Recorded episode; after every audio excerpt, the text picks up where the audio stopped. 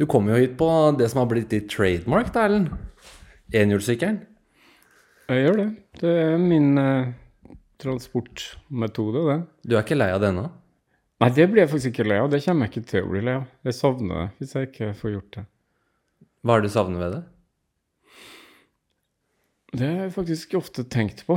Men jeg blir bitte litt sånn irritert, sjøl om jeg ikke sier det. Hvis det er en dag hvor jeg ikke Hvor jeg kunne ha fått det til, hvor jeg ikke gjør det.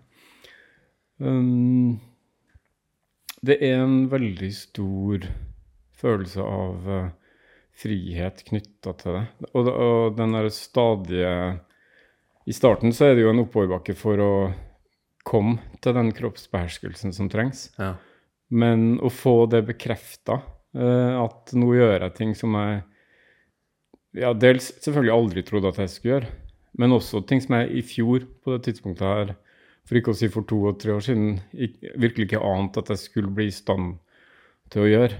Altså nivåforskjeller, hoppe ned fra kantsteiner eller høyere Ja, ja. ting, eller komme over den rota på den stien som jeg datt på sist, og sånne ting, uh, gir en eh, ja, veldig, veldig stor følelse av tilfredsstillhet, da, som jeg vil ha gang på gang. Og sakte bli bedre, liksom. Jeg har lest den uh, enhjulssykkelboka di. Ja, du har det. Jeg leste den faktisk sammen med kjæresten min høyt for, Ja. altså for, for hverandre. Og jeg ble både inspirert og litt irritert eh, over hvor gøy du syns det var. Eh, at det liksom En voksen mann sier liksom Dette er så jævlig gøy. Ja. Det er sånn mestring. Det er så bra trening.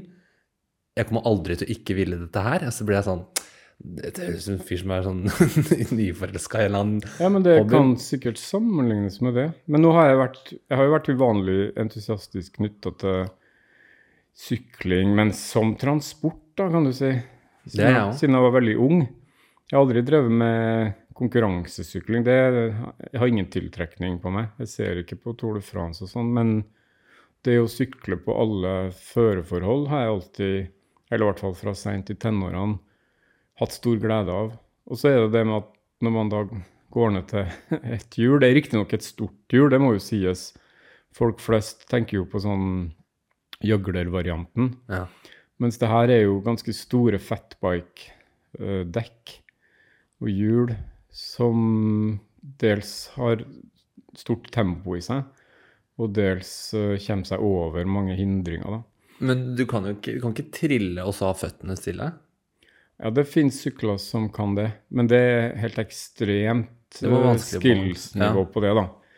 Det fins folk i Oslo, jeg har lånt en sånn en gang, um, som har det. Men eh, nei, eh, det har jeg på en måte Det tror jeg bare Det er nesten som å begynne på null igjen, fordi det Da mister du kanskje hele grunnlaget. Ja, hele, hele balansegrunnlaget ligger i pedalen. Ja. At du på en måte hele tida småjusterer vekta di mot motvekta fra pedalen, på en måte. da.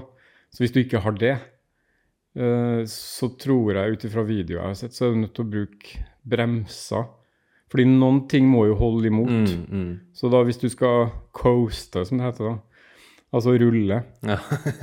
med føttene i ro, ja. så er du nødt til å motvirke krafta som vil ha deg i bakken, med bremser under setet, liksom. ja. Um, det virker sånn. Men jeg har sett folk som sykler på helt sånn ekstreme stier ned liksom Alpene, rullende på et hjul. da. Og det burde egentlig ikke gå an. Så det Nei. fascinerer meg.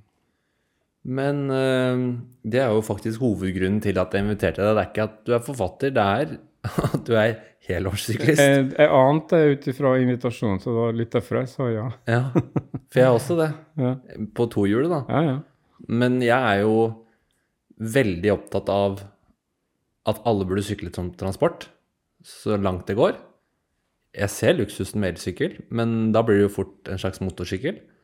Eh, ja elsykkel eh, har jeg jo tenkt at det skal jeg nok antagelig aldri ha. Ja, du, har, du har bestemt deg det? Nei, jeg har ikke bestemt meg for det, fordi det kommer an på form og helse, tenker jeg. Um, Ja. hvis, det, hvis det er sånn at jeg kunne ha sykla med elsykkel, men ikke med vanlig, så vil jeg nok ha elsykkel. ja. Og så har jeg egentlig veldig stor respekt for alle de barnefamiliene som har droppa bil og frakter unger Mm. med elsykkel, som det ikke var da jeg hadde små unger da, for 15 og 20 år siden. Da sykla jeg jo rundt på dem i altså vanlig sykkeltilhenger. Mm. Og det gikk jo greit, fordi jeg er spesielt interessert, og antagelig også litt sterk sånn Mm. sykkelmessig. Men jeg skjønner at ikke barnefamilier i dag eh, forflytter seg halve byen i snøvær Mm. når det fins det alternativet. Det, det syns jeg er greit. Men at, når jeg ser folk på min alder og yngre på elsykkel sånn Jeg vet jo ikke hvor de bor. Nei, det er det. For Kanskje hvis du bor bor, Grefsen, ved, oppe ved Grefsen, eller hvis du bor oppe ved Sognsvann, så skjønner jeg det litt. Ja, nei, jeg skal ikke sette meg til dommer over det, så det er greit. Men jeg har i hvert fall tenkt at det trenger jeg ikke foreløpig, da. Nei. Fins ikke elektriske enhjulssykler, det går ikke det? Jeg har sett noe på YouTube med noen som Men det fins jo ikke i produksjon, men noen Nei. som har uh, lekt, lekt seg med det. Så det fins nok. Alt fins. Men hvorfor eh, er du Eller er du sånn som meg som vil at flere skal sykle, eller er du bare opptatt av at du skal sykle? Nei, jeg er jo opptatt av at flere skal sykle, ja. Hvorfor det? Nei, det er jo fordi jeg tror det er Altså, det er det jo mange grunner til. Dels er det jo opplevelsen og kroppsbeherskelsen, også på to hjul, som det innebærer. Det er en ekstremt, for meg, da, fin måte å være ut på.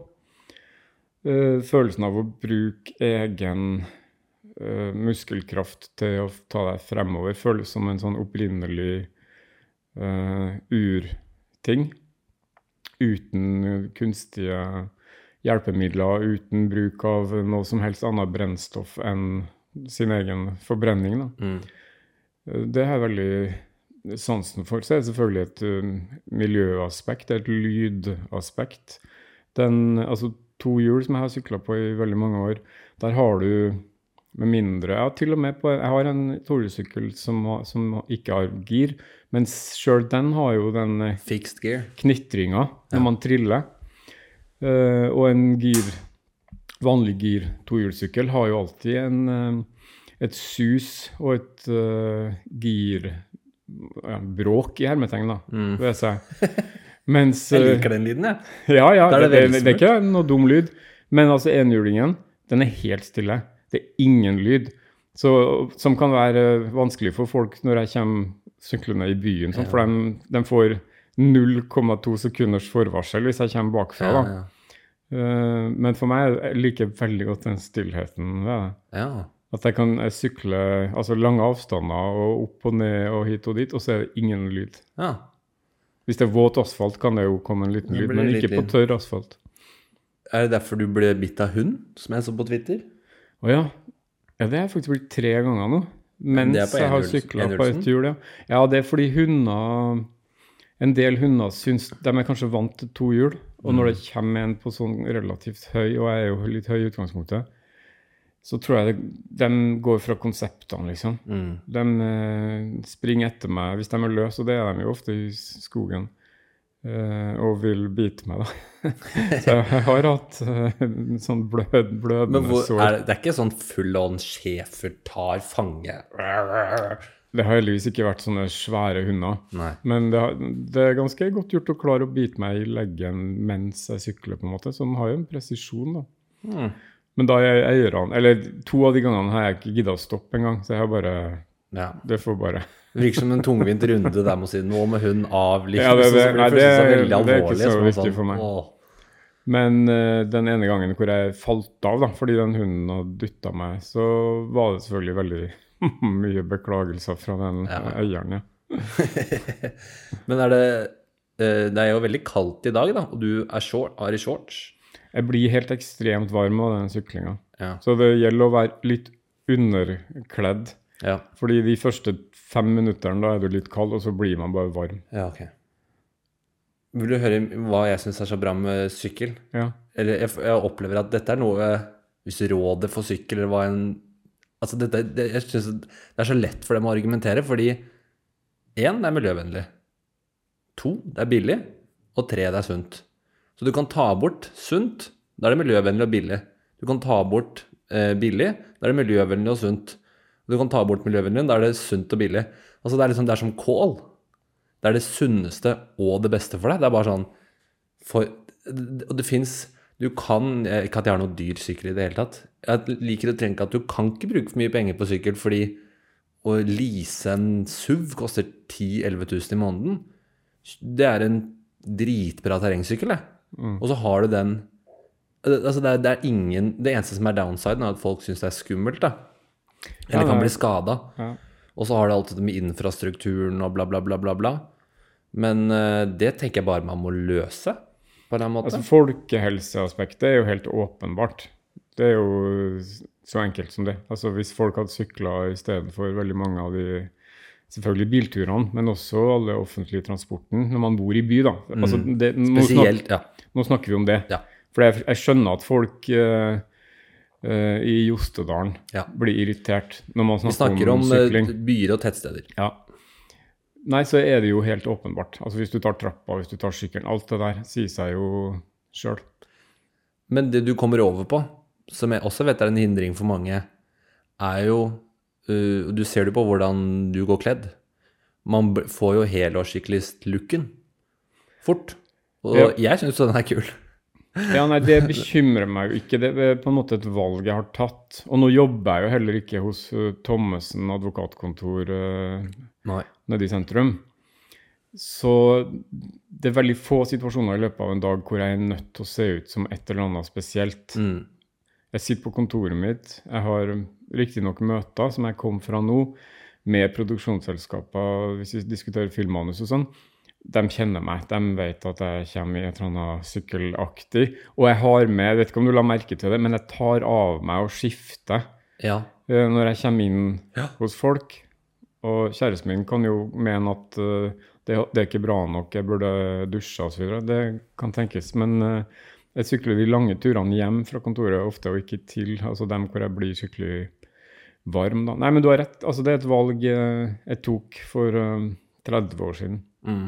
Og da må man ha en kleskode som, som går i den retningen. Jeg, også, jeg sykler jo på vinteren med pigg, som jeg har lest at du ikke Du bruker ikke pigger? Jo, jo, på, ett- på en hjulingen så må jeg det. Okay. Ja, men jeg jeg hadde faktisk slutta med det på to hjul, ja. Men eh, Da- jeg da er ikke noe antipigg. Nei, for da, fordi jeg bare så borte ved Ja, rett hvor det var ved Sagveien, så er det en sånn brå sving som liksom er en del sykkelstien. Og hun dama, det var liksom i november, hun bare Ja, ja, ja. full fart, sk Ja, ja. rett på ræva foran meg. Ja. Og da tenker jeg bare sånn Nei, nei, Selv om du du sa at du ikke bruker pigg, jeg bruker pigg. ja, nei, men det Jeg lærte meg på en måte teknikker og brukt såpass grove dekk Mm. etter hvert. Og hadde litt sånn fatbike og sånn de siste årene hvor jeg bare sykla på to hjul. Mm. Og da gikk det helt supert. Mm. Altså, du kan jo ikke svinge brått, Nei, men du må nei, du må ha veldig kontroll. Men på ett hjul så må jeg ha pigg, da. Og så så jeg jo på Twitter, og det er jo den eneste vanskelige dagen jeg syns det er å sykle på vinteren, er liksom rett etter stort snøfall. Mm. For ellers så går det ganske Ja, ja. Så blir det ganske hardt, ganske Eller sånn Ja, og til og med Og så skjønte jeg ikke om de du, Hadde du vært ute og sagt brøyting er dumt, eller hadde du sagt det feil? Jeg skjønte ikke. Du må få utdype, ja. fordi du hadde Nei, men sitert i. Oslo så er det sånn at til og med klokka 11 på formiddagen dagen etter stort snøfall, så går det. Ja. Men hvis du er opp sju og åtte og sånn, så kan det jo være drøyt. Nei, det der, ja, den brøyte lille kontroversen, det var vel fordi eh, eh, jeg har bodd i samme område i Oslo i eh, over 20 år. Mm. Og så har jeg bare lagt merke til altså jeg vil ikke si irrit, Det irriterer meg ikke, fordi når det gjelder sykling, så er jeg veldig sjøldreven. Altså jeg trenger ikke at kommunen og staten legger så mye til rette for meg, fordi jeg skal sykle uansett. Mm. Så hvis det er Altså, jeg sykla mot enveiskjøring lenge før det var lov å sykle mot enveiskjøring. Jeg tar meg helt til rette. Eh, Hvis dere ikke legger til rette, så tar jeg meg til rette. Og nå har det jo blitt superfint. Veldig mange plasser, mye bedre enn før. Mm. Men det, men det var en observasjon. Altså Jeg la merke til at det er rett og slett dårligere brøyter nå enn det var for 10 og 15 år siden. Og det var, ble veldig tydelig etter et sånt stort snøfall i januar. For da gikk det to, tre, fire dager uten at det var Og så ble det jo kjempespor, og så fryste det. Ah, ja. Hvis du hadde tatt det med en gang, Ja. som de gjorde ofte før, For tidligere, hvis vi nå skal snakke om det her, da. Ja, ja, men vi skal snakke om akkurat det vi vil. Det er hele konseptet. Tidligere så sto det et, eh, en armé av traktorer på det som i dag heter Blindern videregående, som før het Sogn videregående. Ja, rett ved Ullevål stadion. Ja, og rett etter snøfall så var alle dem i sving. Og nå er det nok noen helt andre typer kontrakter. Hadeland maskindrift. Ja, det er noen som har uh, vært på anbud og tatt det, og så tror jeg nok at de spekulerer litt i frister, vi kan vente så mye, ok, det har snødd tre centimeter, da venter vi, da. Min tolkning. Jeg tror det er litt mafiavirksomhet. Jeg kjenner to øh, brøytere, Ja. så jeg bare fortsett. skal Ja, nei, jeg møtte, jeg møtte, etter den uh, tweeten der som jeg la ut, så var det folk fra brøytemiljøet som tok kontakt. og Jeg har vært på Egon og spist lunsj med dem, og Du har det, ja? de har fortalt meg om Ja, brøytesystemet videre da. Og de bekrefta veldig. Det er helt riktig. Det er mye dårligere nå. ja. Men da framstår jeg jo plutselig som en sånn brøyteklagetype. Og det er jeg nok ikke først og fremst, da. Men jeg, var, jeg, jeg, jeg lurte egentlig. Er det forskjell på noe? Har jeg rett i at det er forskjell? Det tror jeg du har. Og det mente de at det har jeg. Ja, de brøyterne jeg kjenner, jeg har ikke noe innsikt i akkurat det. For jeg tror de brøyter sånn sånn oppe Fornebu, privat, privat Altså Statoil og, sånn, og Telenor sitt bygg har sånne enorme innkjørsler som er private. Mm. Så de må brøyte Altså, det er jo Men da er det en som kjører rundt på linjal, da. Og venter til det er et eller annet visst tall. Ja. Så trykker han på en knapp, så blir det elektronisk ringt ut. Og fra du får det callet, da må du være der inntil Det er et sånt system Ja, ja. som er Jeg, ganske jeg, jeg sier ikke at det, morsomt. det er helt sikkert ikke noe lett jobb å være brøytepersonell. Og når det snør mange dager på rad, så får du jo ikke sove. Og, altså, det er sikkert kjempeslitsomt. Så det er all ære til dem. Jeg liker, jo, jeg liker den eh, tankegangen du var inne på, at eh, hvis ikke dere legger til rette, så bare tar jeg meg til rette. For, og min sykkel, mitt sykkelliv er jo basert på det. Ja. Og jeg tenker at eh, jeg er ikke så opptatt av sånn derre akopalypsestemning, men hvis noe skjer, så er det jo ingenting bedre enn en sykkel. Og jeg har til og med motorsykkel som tenker at hvis byen stenger eller noe, jeg gir flatt faen, jeg bare opp i skauen med den og bare prøv å stoppe meg, liksom. Uh, good luck. Men den går jo tom for bensin, og så må jeg forhandle mellom bensinfyr i Moss, har jeg da spilt det, liksom, for da går jeg tom i Moss, ikke sant, hvis jeg skal til Sverige. Så bare ta sykkel, da. Hvis det er bedre i Sverige, da. Ja, i dette hodet her er det tenker- du tenker I denne du, casen, i denne casen er det kun Oslo. Da har jeg bare tenkt hvordan Fordi Mosseveien kommer til å bli helt uh, Helt jammed. Så du må ha et navn hvor du bare kan opp i skråningen. Nei, men Det der er jo litt av grunnen til at jeg sykler altså, i, i det hele tatt. Jeg syns det Det er ekstremt sjelden at jeg står og venter på T-bane, buss, trikk. Selvfølgelig hender det. Men eh, det, jeg vet at hvis jeg, hvis jeg sykler nå, så er jeg i bussen eller i byen før den trikken. I hvert fall på to hjul. Mm. Og knapt nok noe mye senere på ett hjul. Mm. Så, så, og det er noe med å ta kontroll over eh, situasjonen, hverdagen. Og under Mm. korona var det deilig òg. Ja, ja, det, det var jo beste sykkeltida noensinne. Det var jo ikke biler ut, sant. Det som er viktig å huske på her, er jo at det man, i hvert fall som jeg har opplevd utrolig lenge som syklist i Oslo, er jo at jeg prøver å ta meg rundt i en by hvor det ikke er spes lagt spesielt til rette for sykling, og hvor mange av de trafikantene du møter, ikke liker deg. Det er jo Ja, ofte det, ja, jeg har syklet i fire-fem år i Oslo, da, og jeg opplever ikke at jeg ikke blir likt. Nei, men det, det er nytt. Det er, jeg, jeg sykla i Oslo altså, hele året siden 96. Og ekstremt mye aggressiv kjøring både fra privat, altså sjåfører, men særlig yrkessjåfører som har veldig lyst til å sette deg på plass. da. Mm, Hvis man tar seg til rette, som dem også gjør. mm, Uh, utallige ganger hvor jeg har havna i altså, konflikt uh, fordi de ikke blinker, f.eks. mm, Men så gjennom årene så lærer jeg meg å se tegnene tidlig. mm, OK, du kjører sånn, ja, men du kommer nok ikke til å blinke når du kommer til det krysset. mm. Og da ligger jeg langt foran. Sånn, så da, da blir jeg ikke irritert, for jeg har tatt høyde for at du ikke kommer til å blinke. Og, så og det der har blitt bedre. Er det jeg, jeg ser jo også, uten at det er noe evig fasit i det, jeg ser an biltypen, jeg ser om jeg ser personen. Ja, ja. Både selvfølgelig øyekontakt løser det meste, men eh, jeg ser hva slags person er det. Og jeg, hvis de har veldig styla og litt dyre biler, så, ta, så er de ofte veldig litt opptatt av hensyn. Mm. Og veldig opptatt av å liksom bare Gjerne liksom legge Altså Ja, bevise at jeg er boss her, og jeg kjører motorsykkel. Hvis du kommer en sånn vel, en BMW med helt sota ruter og spesielle felger, skjønner du, han her elsker bilen sin. Han hater meg. Hold deg unna. Da må jeg holde meg unna. Ja, men man blir ganske god til å lese alle de tegnene. Hvis du kommer inn i en rundkjøring, og du egentlig er først, og så kommer det en Ferrari, hva er din analyse da? Så du har egentlig forkjørsretten? Ja men, ja da, men det er jo mange år siden jeg har skjønt at det der med forkjørsrett spiller jo ingen rolle, fordi det er jeg som blir offeret offeret Ja. uansett. De driter jo i det. Nei, jeg, jeg leser situasjonen altså fra sekund til sekund og skjønner at ok, du kommer der, du kommer neppe til å stoppe, da må jeg holde tilbake litt. Altså, det der pågår et uh, regnestykke kontinuerlig. og det er ekstremt sjelden at jeg havner i uh, altså ordentlig uh, farlige situasjoner, eller at jeg blir påkjørt eller kjører på noen. Eller, fordi, men, men, men den oppmerksomheten er helt essensiell. Og som du nettopp sa, øyekontakt løser nesten alt. Ok, jeg ser at du kommer nå, du kommer til å komme til det krysset rett etter at jeg har kommet inn i det.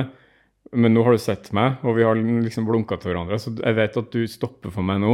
Sånn er det jo hele tida. Det er en forhandling totalt Ja.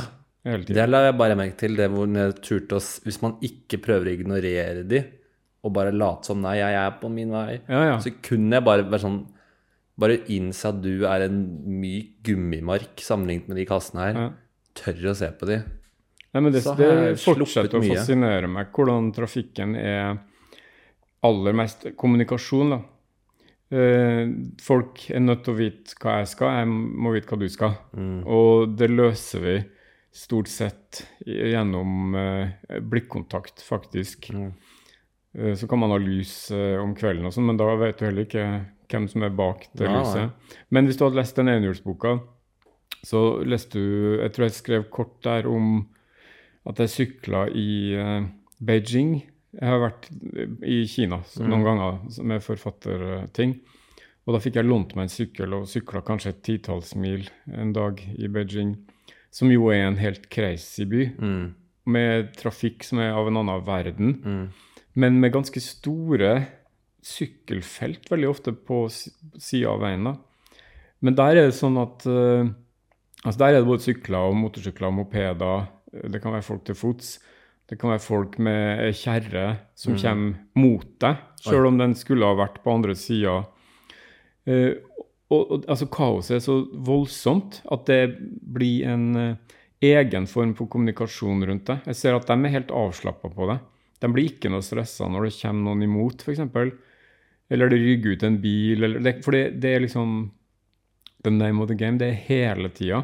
Så der følte jeg at det var sånn Kaoset er totalt, og vi løser Ja, du kommer der, jeg kommer mot deg. Ingen av oss kan liksom fortsette på retningen vi har uten at vi krasjer, men det løser vi rett før vi møter hverandre. Okay. Så utrolig sånn sømløst uh, og deilig sted å sykle. Ja, jeg, uh, jeg har ikke prøvd det, så jeg skal, jeg skal Ja, nei, men tenke på for, det. du skulle tro det var et helvete, liksom. Men det som jeg tror er ordentlig helvete, det er f.eks. London. Hvor det er noen regler, men Ja, hvor det ikke er lagt særlig til rette for det. Hvor det er enormt mye biler og, og kok. Og hvor de ikke, det, å, det å være en sykkel som insisterer på sin rett, er nok ganske uvanlig. Så da blir du, da blir du en skikkelig cowboy, liksom. En outcast Mm, som uh, må leve på kanten av loven. ja. Mens i Beijing så var alle der. Mm. Det eneste ville trafikken jeg opplevde, var i New Delhi, men litt samme, syns jeg. At det var et sånt Alle var enige om at det var et kaos. Ja.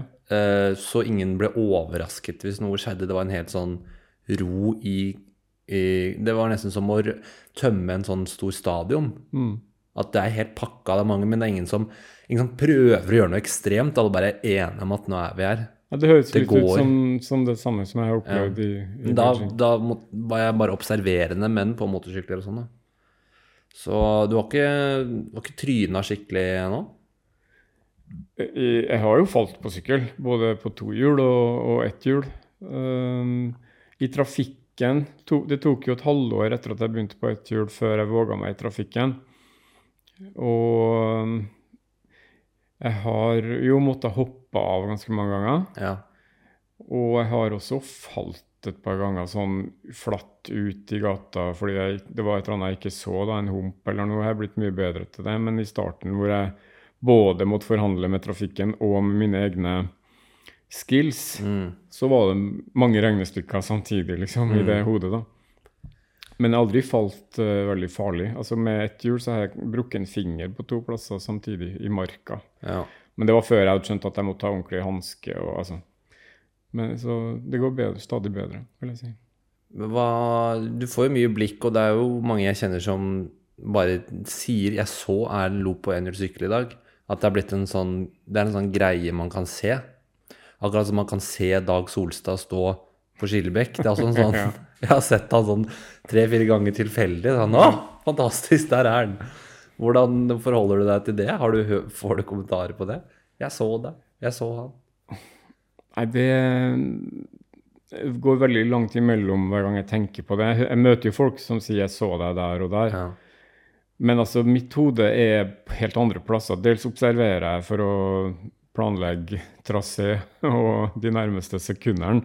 Og dels går tankene på ting som jeg tenker på å jobbe med. ja.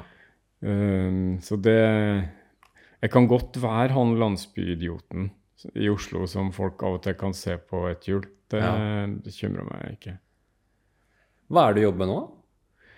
Jeg jobber alltid med et flertall manus i planlegging, eller som straks går i produksjon, eller um, Nei, nå kom jeg fra et møte hvor det var et forslag om en spillefilm helt, på, helt fra scratch. kjem- kjempetidlig stadium, altså idédrodling.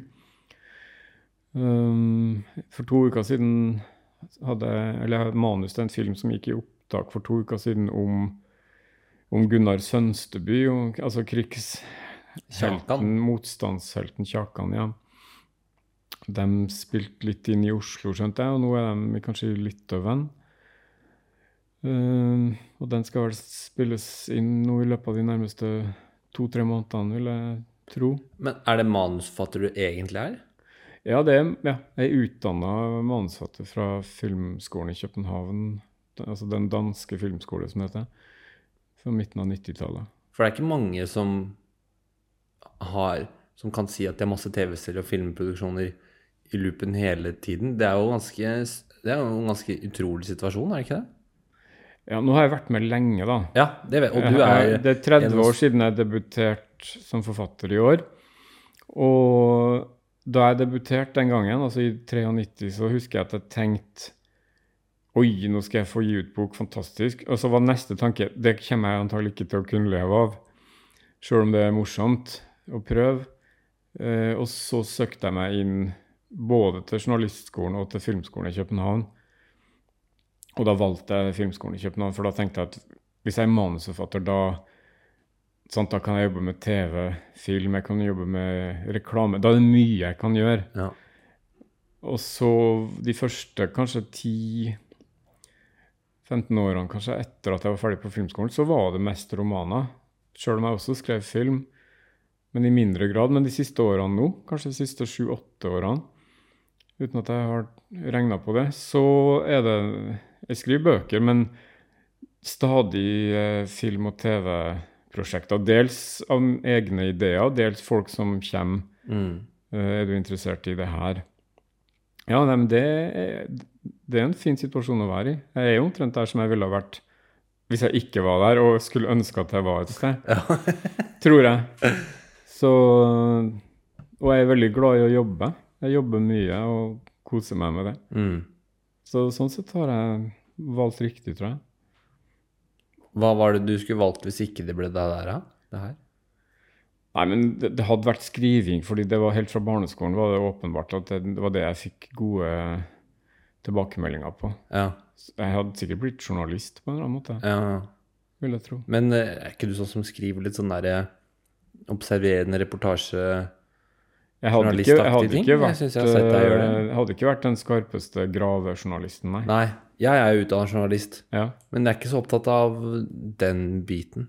Altså graving og Nei, det alvorlige. jeg er ikke Selvfølgelig har jeg til en viss grad analytiske evner, men jeg er en eh, veldig eh, intuitiv skribent, da. Ja. Og skyte fra hofta og forfølge ideene som kommer til meg, liksom, og, og kjenne hvilke som setter seg fast. Du er litt sånn som han Rick Rubin, har du hørt om han? Musikkprodusenten? Jeg har hørt navnet, men jeg kjenner ikke til han. han har lagd alt mulig innenfor hiphop og rock og alt mulig.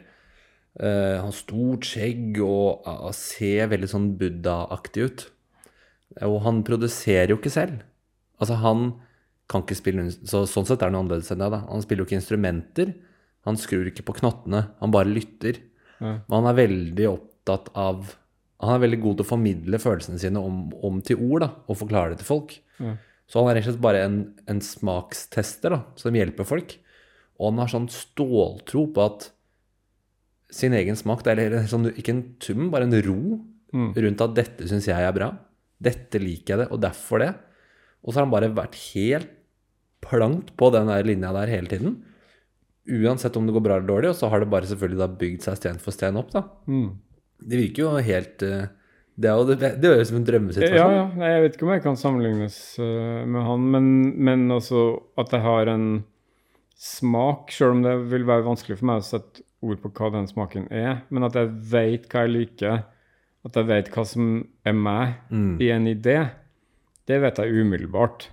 Og kan jeg være med å løfte det, kan jeg gjøre det bedre, eller, eller er det noen andre som vil det, Sånne ting kjenner jeg nok veldig intuitivt, da. Det var eh, noe du sa i en eller annen sånn der eh, Jeg vet ikke om det var en lydbok eller en podkast hvor du sa når du, når du hadde sendt inn manuset til Naiv Super til et av de store forlagshusene, så sa det hovedsjefen sett på det, så sa han Altså, hovedkarakteren har jo ikke et navn engang. Altså, dette må du ordne. Og da, og da ble det sånn Ok, det er ikke så farlig om blir han, for da har du ikke skjønt en dritt. Altså, og og det, bare den, den der mindsettet der, det traff meg Det kjente jeg meg så utrolig igjen i. At noen sier sånn Ja, men du må ha sånn og sånn. Så er det sånn Da, da og, og det at du har liksom klart å holde den linja, syns jeg er utrolig modig. da Hvordan hadde du troa på at du har rett og han har feil? Ja. Nei, jeg har nok uh, Altså, det mange, jeg har mange usikkerheter i meg, men uh, akkurat når det gjelder det jeg jobber med, så har jeg ofte um, hatt en uh, visshet om at det må være sånn. Og så, om andre syns det skal være annerledes, så jeg, føler jeg ikke at det er mitt problem. Nei. Da finnes det veldig mange andre bøker og musikk og filmer og så videre som vedkommende kan forholde seg til. Så det du refererer til, er den første romanen min, altså 'Tatt av kvinnen', som kom i 93. Å ja, jeg trodde det var den. Hvor jeg sendte inn til Jeg sendte til Gyldendal fordi uh, jeg hadde lest masse Hamsun, og det var liksom Gyldendal som jeg følte var det store, da. Og da fikk jeg en sånn konsulentuttalelse som det. Vi vet ikke hva han het, eller hva han het, og hva han jobber med. og uh, Men der var det, skjønte jeg veldig fort at den var lest, og da, altså konsulenten må ha vært en ganske mye eldre mann. Av språket så skjønte jeg det. Og han skrev 'nevrotisk' med EU, f.eks. Som var sånn OK, her er, her er det noen som er veldig mye eldre enn meg. Og som rett og slett ikke Sikkert en hyggelig person Ja. og dyktig på sitt vis, men han har ikke sansen for det her. Han har ikke skjønt hva jeg prøver på her. Mm. Det, så det, det var ikke en nedtur engang. Det var bare Nei. sånn Det kan jeg ikke ta hensyn til. Mm. Og sendt til neste forlag, da Okay. som sa ja. Så det var jo veldig greit, for så vidt. Men nei, man kan ikke, hvis man man kan ikke la seg liksom pille på nesen av noen som ikke skjønner hva du driver med. Det, det er mye verre hvis de skjønner det, og så ikke lykker det, eller si at du ikke har fått det til. Jeg opplevde bare at uh, han sa det som at det er et krav, liksom, at man må vite det. Og da blir det sånn Det er jo bare en dum, teit Ja, ja, nei, det var jo litt sånn. Men han snakka jo da om en, en eldre type litteratur Ja. som på en måte allerede i mange tiår hadde vært forbigått Mm. av en modernisme som kanskje min bok var en del av, da. Så det kunne jeg ikke ta hensyn til. Men hvilke filmer eller TV-serier er det som gjorde at du var gira på å jobbe med film og TV? Ja. Um, jeg begynte jo å gå i filmklubben i Trondheim da jeg var 15 år. Mm. Oppdaga liksom et miljø. Fram til da hadde jeg vært, uh, holdt meg mye for meg sjøl. ikke noe sport. Eh, Jeg begynte å spille litt basket kanskje omtrent på samme tid, men ellers så hadde det vært veldig mye lesing. Mm. Og i den filmklubben fant jeg jo dels folk som var som jeg følte var litt sånn som meg, som hadde ambisjoner om lignende ting. Men uh, dels fikk jeg jo sett utrolig mye film, da. Det var liksom filmvisning onsdag kveld, og så var det lørdag og søndag på dagen.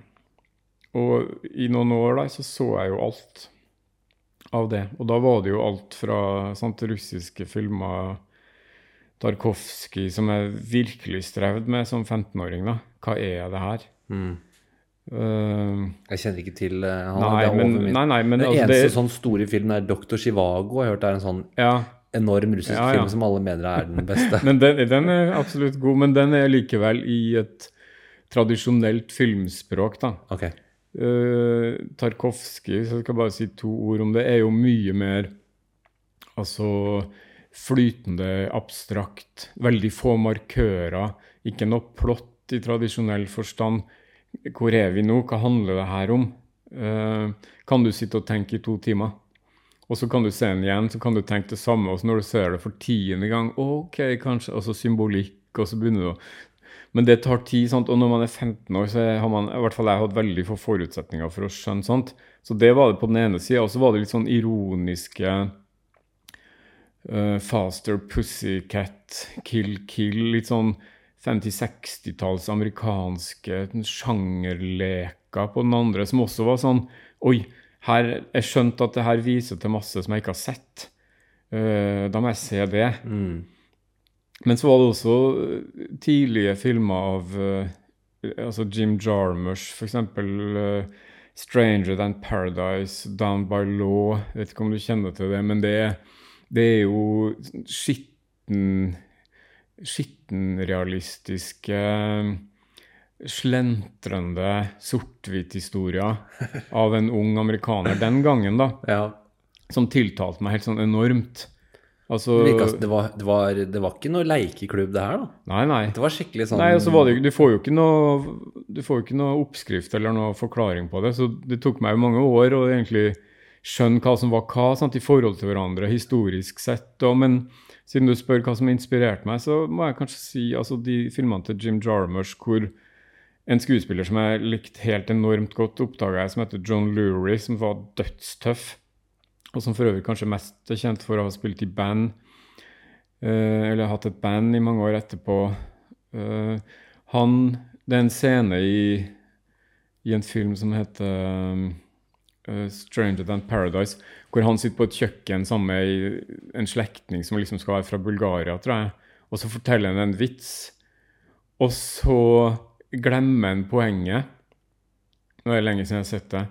Men sånn, det varer og rekker. Og det er det. Det er den scenen. Og da ble jeg sånn OK, kan det være film? Er det, er det lov? Ja. Kan man gjøre det? Og det elska jeg, husker jeg. Så da begynte jeg å tenke her, her, her finnes det muligheter, liksom. ja, ja. Så jeg ble nok veldig forført av sånne altså slentrende, lekende ting som, som litt et oppgjør med den tradisjonelle, Ja. plottdrevne fortellinga, da. Jeg har en um, du, du, eh, du var med og skrev den 'Tordenskjold og Kold', ikke sant? Ja, den har jeg skrevet. Ja, ja. Fordi jeg, det er jo en film som jeg syns gikk under radaren. Ja, det Eh, gjorde den. I hvert fall, Det kan hende at jeg var på utveksling akkurat det året, men jeg, jeg, jeg så jo den, og den handler jo da om norske sjøkrigshelten, norsk-danske eh, Tordenskjold. Eh, og så sto det et eller annet sted at den egentlig skulle hete 'Tordenskjold får seg en hund', siden det skjer vel i løpet av Ja, jeg, storyen, manuset het veldig lenge det. Og i, av en eller annen grunn så scrollet jeg ned til kommentarfeltet i NRK, og da var det en som bare rallet Det er det Tenk å ville kalle den Tordenskjold hund. Det er det dummeste eller dritt jeg har hørt. Og jeg syns den tittelen var så morsom, for jeg elsker når man påpeker det helt hverdagslige i det. Ja. Og det som er tøft med den filmen, syns jeg, da, er at Tordenskjold, som spilles av eh, eh, Jakob eh, Oftebro, han har å besøke broren sin i Danmark, som har gifta seg med en eller annen sånn prinsesse eller eh, grevinne eller whatever. Og de snakker helt normalt.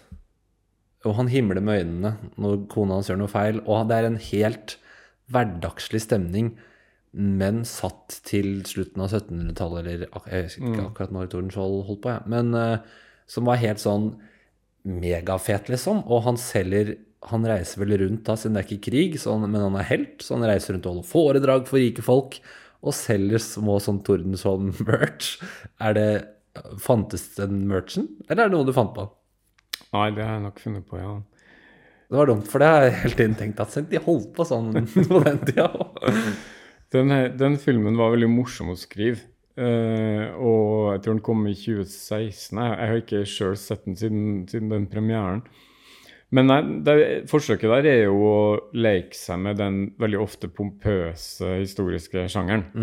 Og skrive det mye mer nedpå, og fokusere på helt sånn små hverdagslige, dumme ting. da. Jeg er litt lei meg for at den ikke heter Tordenskjold for får hund, uh, faktisk. Nei, men, men der var vel ambisjonsnivået litt sånn høyt, og jeg vet ikke om filmen helt klarte å få til alt som vi ville med det. Men uh, det Jeg var husker- hyggelig at du har sett Ja, den. jeg husker den som en sånn derre Som en sånn En av de kulere norske filmene jeg har sett. det er Eh, godt, godt å men den er vel kanskje dansk? At det er noe med derfor? Filmen har dansk regissør og dansk finansiering, og den hadde jo noen norske skuespillere og sånn. Men det er en dansk film, ja. Jeg tenkte, ja, var jeg kanskje skjønte ikke om du da hadde egentlig laget den i Danmark, og det er derfor den ikke Ikke at den ikke gikk helt Den hadde premiere hen, her, men jeg bare men, eh, jeg syns ikke den fikk liksom de, Nei. ringene i vannet som jeg kanskje Den, trodde. den, den gjorde ikke det. Men det er jo også litt sånn at hvis du, du sier nå kommer det en film om Tordenskjold, og så er det en leken og litt sånn antihelthistorie, så vil nok mange sant, øh, tenke at de ville nok heller sett den sjøslagsfilmen øh, som Men noe gjør bjørn og sånn? Drev ikke han og putta bjørner i bur? Hang buret i enden av bommen, slang bommen over på siden. Ja, Og Tordenskjold gjorde og det. så prøvde altså, ja, han, Ja, det er massevis av sånne han holdt på med historier, sånn derre ja. Det er bare det jeg har hørt. Nei da, så man kunne ha godt laga den tøffe krigsfilmen også. Men det får noen andre gjøre, da. Jeg kjenner jo ikke Tordenskjold, men eh, han var jo en køddefyr. Så det er jo ikke helt usannsynlig at han hadde likt at den var litt køddete. Nei, det kan godt tenkes. Nei, han var jo veldig ung. Sant? Han døde jo som kanskje 29-åring. Uh, fikk jo veldig, veldig tidlig uh, kommandoen eh, på viktige skip, hvor det hele tida pågikk uh, krigshandlinger da, mellom svensker og Danmark-Norge i Skagerrak og Kattegat. Og, så det var jo skikkelig westerntider, egentlig. Den er morsom, den.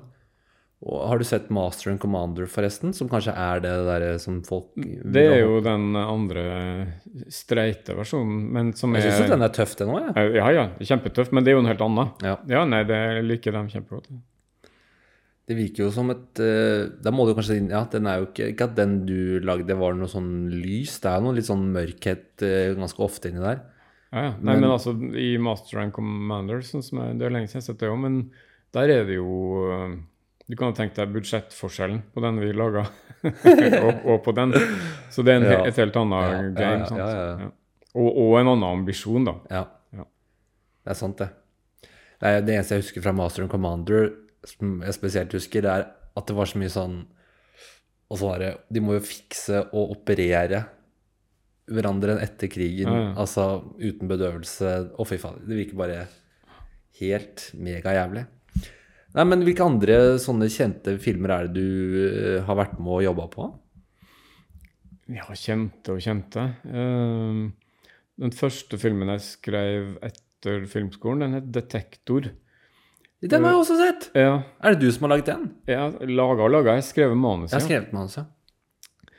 Ja, den gikk jo kjempebra, den, og fikk god kritikk. og Jeg har heller ikke sett siden premieren, men den husker jeg syns at den funka. Harald Mm. Eia i en rolle Mm. og um, Ja, nei, den uh, Den funka. Den kom kanskje i, i 2000. Kanskje vi laga den i 99, så vidt jeg husker. Så jeg skrevet, har skrevet et annet, jeg har sikkert skrevet titalls filmer, men ingen sånne store. Jeg skriver jo ikke sånne store Du har jo den, altså Tatt av kvinnen er jo eh, ja, det er den- basert på min bok, men den har jeg ikke hatt noe med å gjøre. Men det, den funker. Det er Petter Ness som har hatt regi på Den er også veldig morsom. Ja, ja, den er fin. Og han har jo Det er jo Trond Fausa Mm. Aurvåg som Jeg vet ikke om du kjenner til det, men han fikk en liten sånn kultheltstatus eh, nå i våres fordi han var med på den Oppenheimer. Oppenheimer, ja, ja, og så er det bare Det er liksom de megakjente superstjernene på Ja. løper, og så står liksom Han er litt sånn stelkete fyren fra den TV-serien. ja. Men det er veldig morsomt. Det var veldig gøy. Han har en fin figur, han, i den filmen. Jeg husker den filmen veldig godt, og jeg lånte masse ting til en sånn skolestiler. Eh, når de går av det toget i, i Frankrike, eller hva det er, altså står de bare opp telt, og så plutselig er de i hagen til noen. Ja, ja. Sånn, den, det grepet husker jeg jeg syntes var gøy, ja. så det lånte jeg. Så, og så har det jo um, et, uh, noe som jeg jobbet Jeg jobbet jo i NRK før. Og han ene kollegaen min han skulle intervjue deg fordi hvis man har lyst til å se en spesiell TV-serie, da kan man, kunne man i hvert fall få en minnepinne av deg. ja. Fortell om det greiene her. Det er eneste måten Ja. Altså, sammen med to venner og kollegaer, da, Per eh, eh, Skreiner og Bjørn Olaf Johannessen, så skrev jeg jo 16 episoder som har blitt til to sesonger i en serie som heter Kampen for tilværelsen. da. Ullevål Hageby-serien. Ja, som vi nok skrev og laga for kanskje første sesong for ti år siden, og andre for kanskje ni. Eh, og, den, så, og den pga. noen kontraktsgreier som er litt sånn ugjennomtrengelig, så har jo ikke den vært eh, tilgjengelig. Men nå i sommer så la jo NRK ut første sesongen, så nå fins den Å i. NRK-spilleren. Som har gjort at den har fått et nytt liv, og veldig mange har sett den, og veldig mange har tatt kontakt med meg. Fordi andre sesong omfattes ikke av de nye forhandlingene, og den sier de den blir nok heller ikke tilgjengelig. Eh, Så i flere år nå har jeg drevet og gitt ut Ja, først som du sier, da, at folk har kommet på kontoret mitt og fått en minnepinne, og så kunne de sitte liksom og mate den inn i PC-en sin. Men til slutt så kom det en fyr og lånte den og laga en, eh, en Google Docs-lenke. Ok. Så de siste årene har jeg hatt tilgang på det. Og alt det her er jo altså, helt sikkert ikke lov, da. Eh, NRK har sikkert visst om det, men ikke stoppa det, på en måte. Ja, han som lagde reportasjen, jobbet i nyhetene, og da gikk på nyhetene. Så, det, Ja, så jeg tror the, the news is out. Ja, ja. Men nei, etter, den, eh, etter at de la ut første sesong av Mm. Kampen for tilværelsen i sommer, så har jeg fått hundrevis av uh, henvendelser på altså mail og SMS og Messenger og sånn. Uh, har du l- lenke til sesong to? Senest i går kveld sendte jeg av gårde en, uh, en sånn lenke, da. Så det er jo egentlig litt morsomt å ha vært med å lage en serie som har en slags uh, Hva skal man kalle det? Altså et, den har et rykte for å være god. Mm. Og en slags sånn liten kultaktig Ja, den har det. følgeskare, som Jeg- nå vokser, da. Som er gøy. Jeg husker den veldig godt. eh, Jeg har bare sett et sesong én. Tror jeg. Da kan du få andre sesong av meg nå før Ja. jeg går. Eh, Og jeg husker er, Jeg vet ikke hvor mye det er på manus, for det skjer jo så mye fucka i den serien, som er ganske sånn artig. Alt er i manus.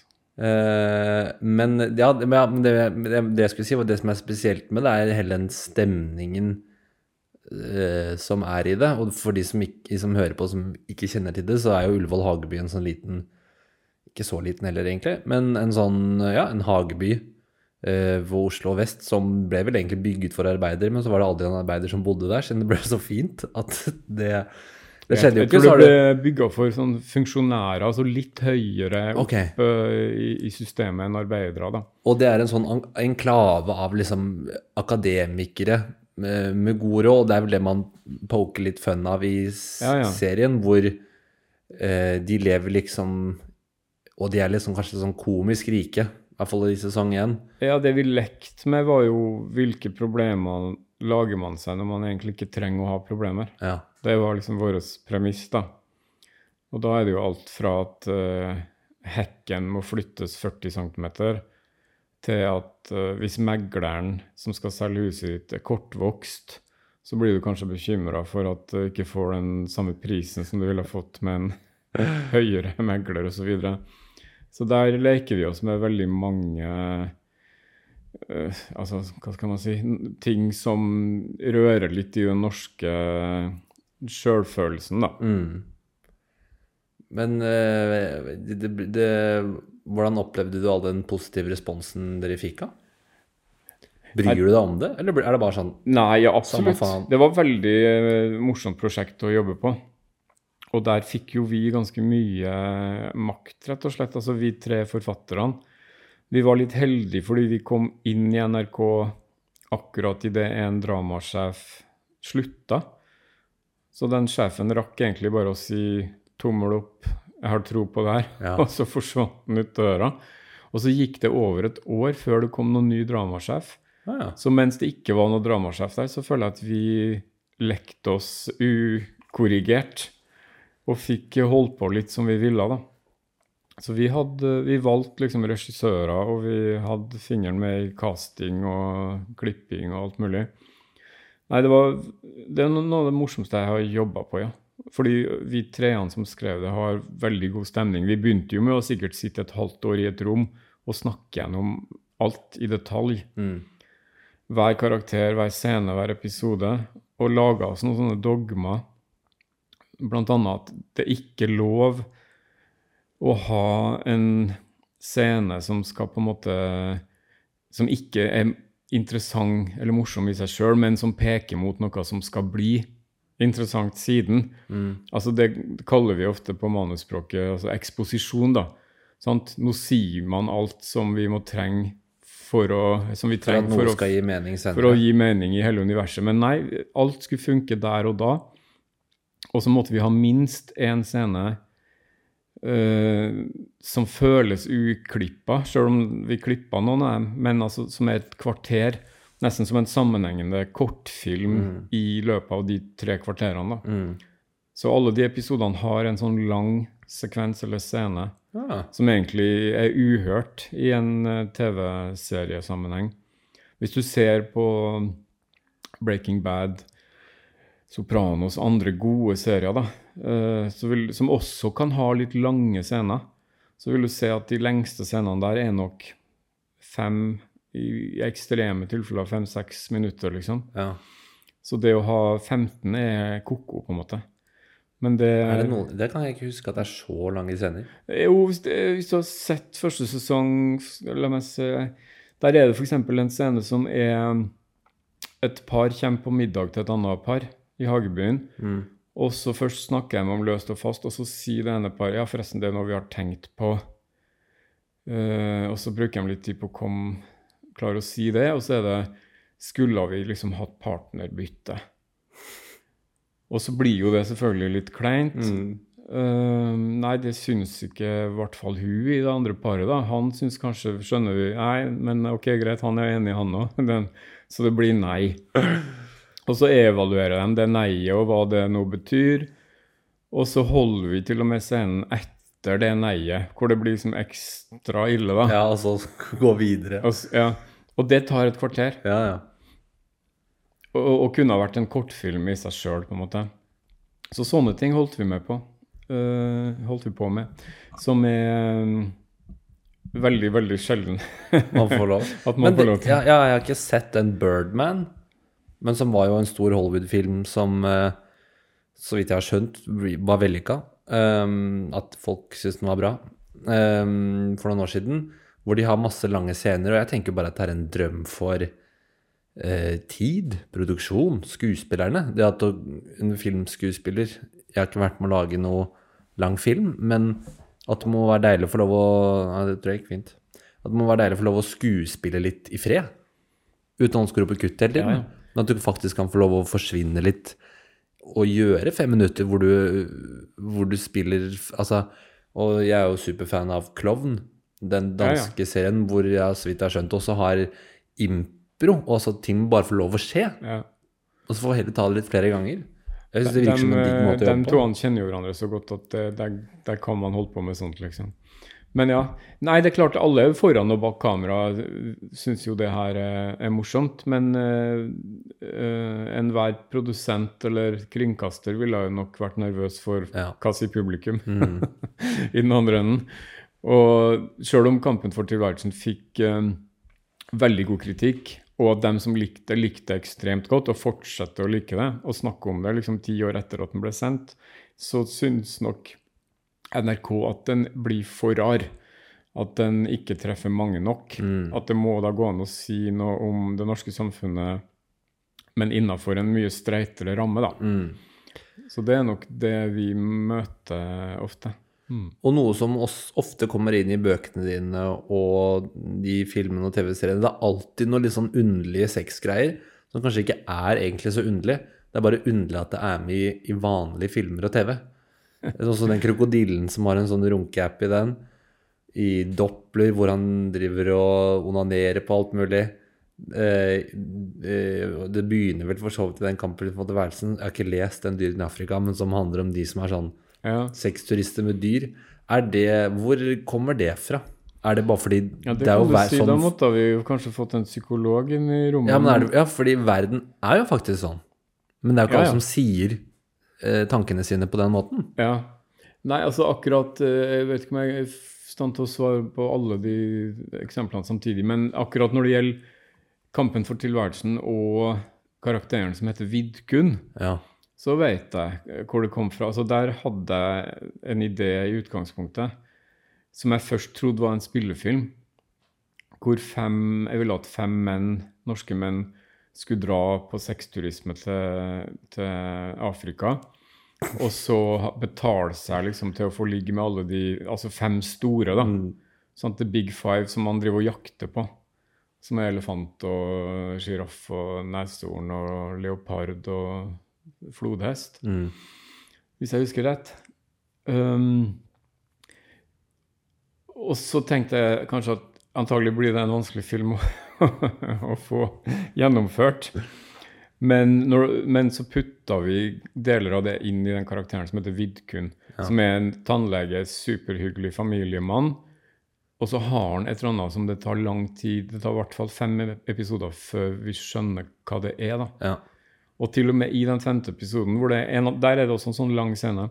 Er det når han ser på den hesten, og så kommer Sven Nordin? Ja, det er en episode tidligere.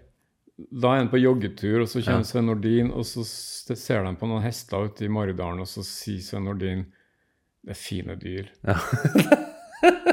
og så skjønner du ennå ikke, fordi hester er jo fine dyr, Ja. så det kan jo være en Jo, eh, det kommentar som er innafor.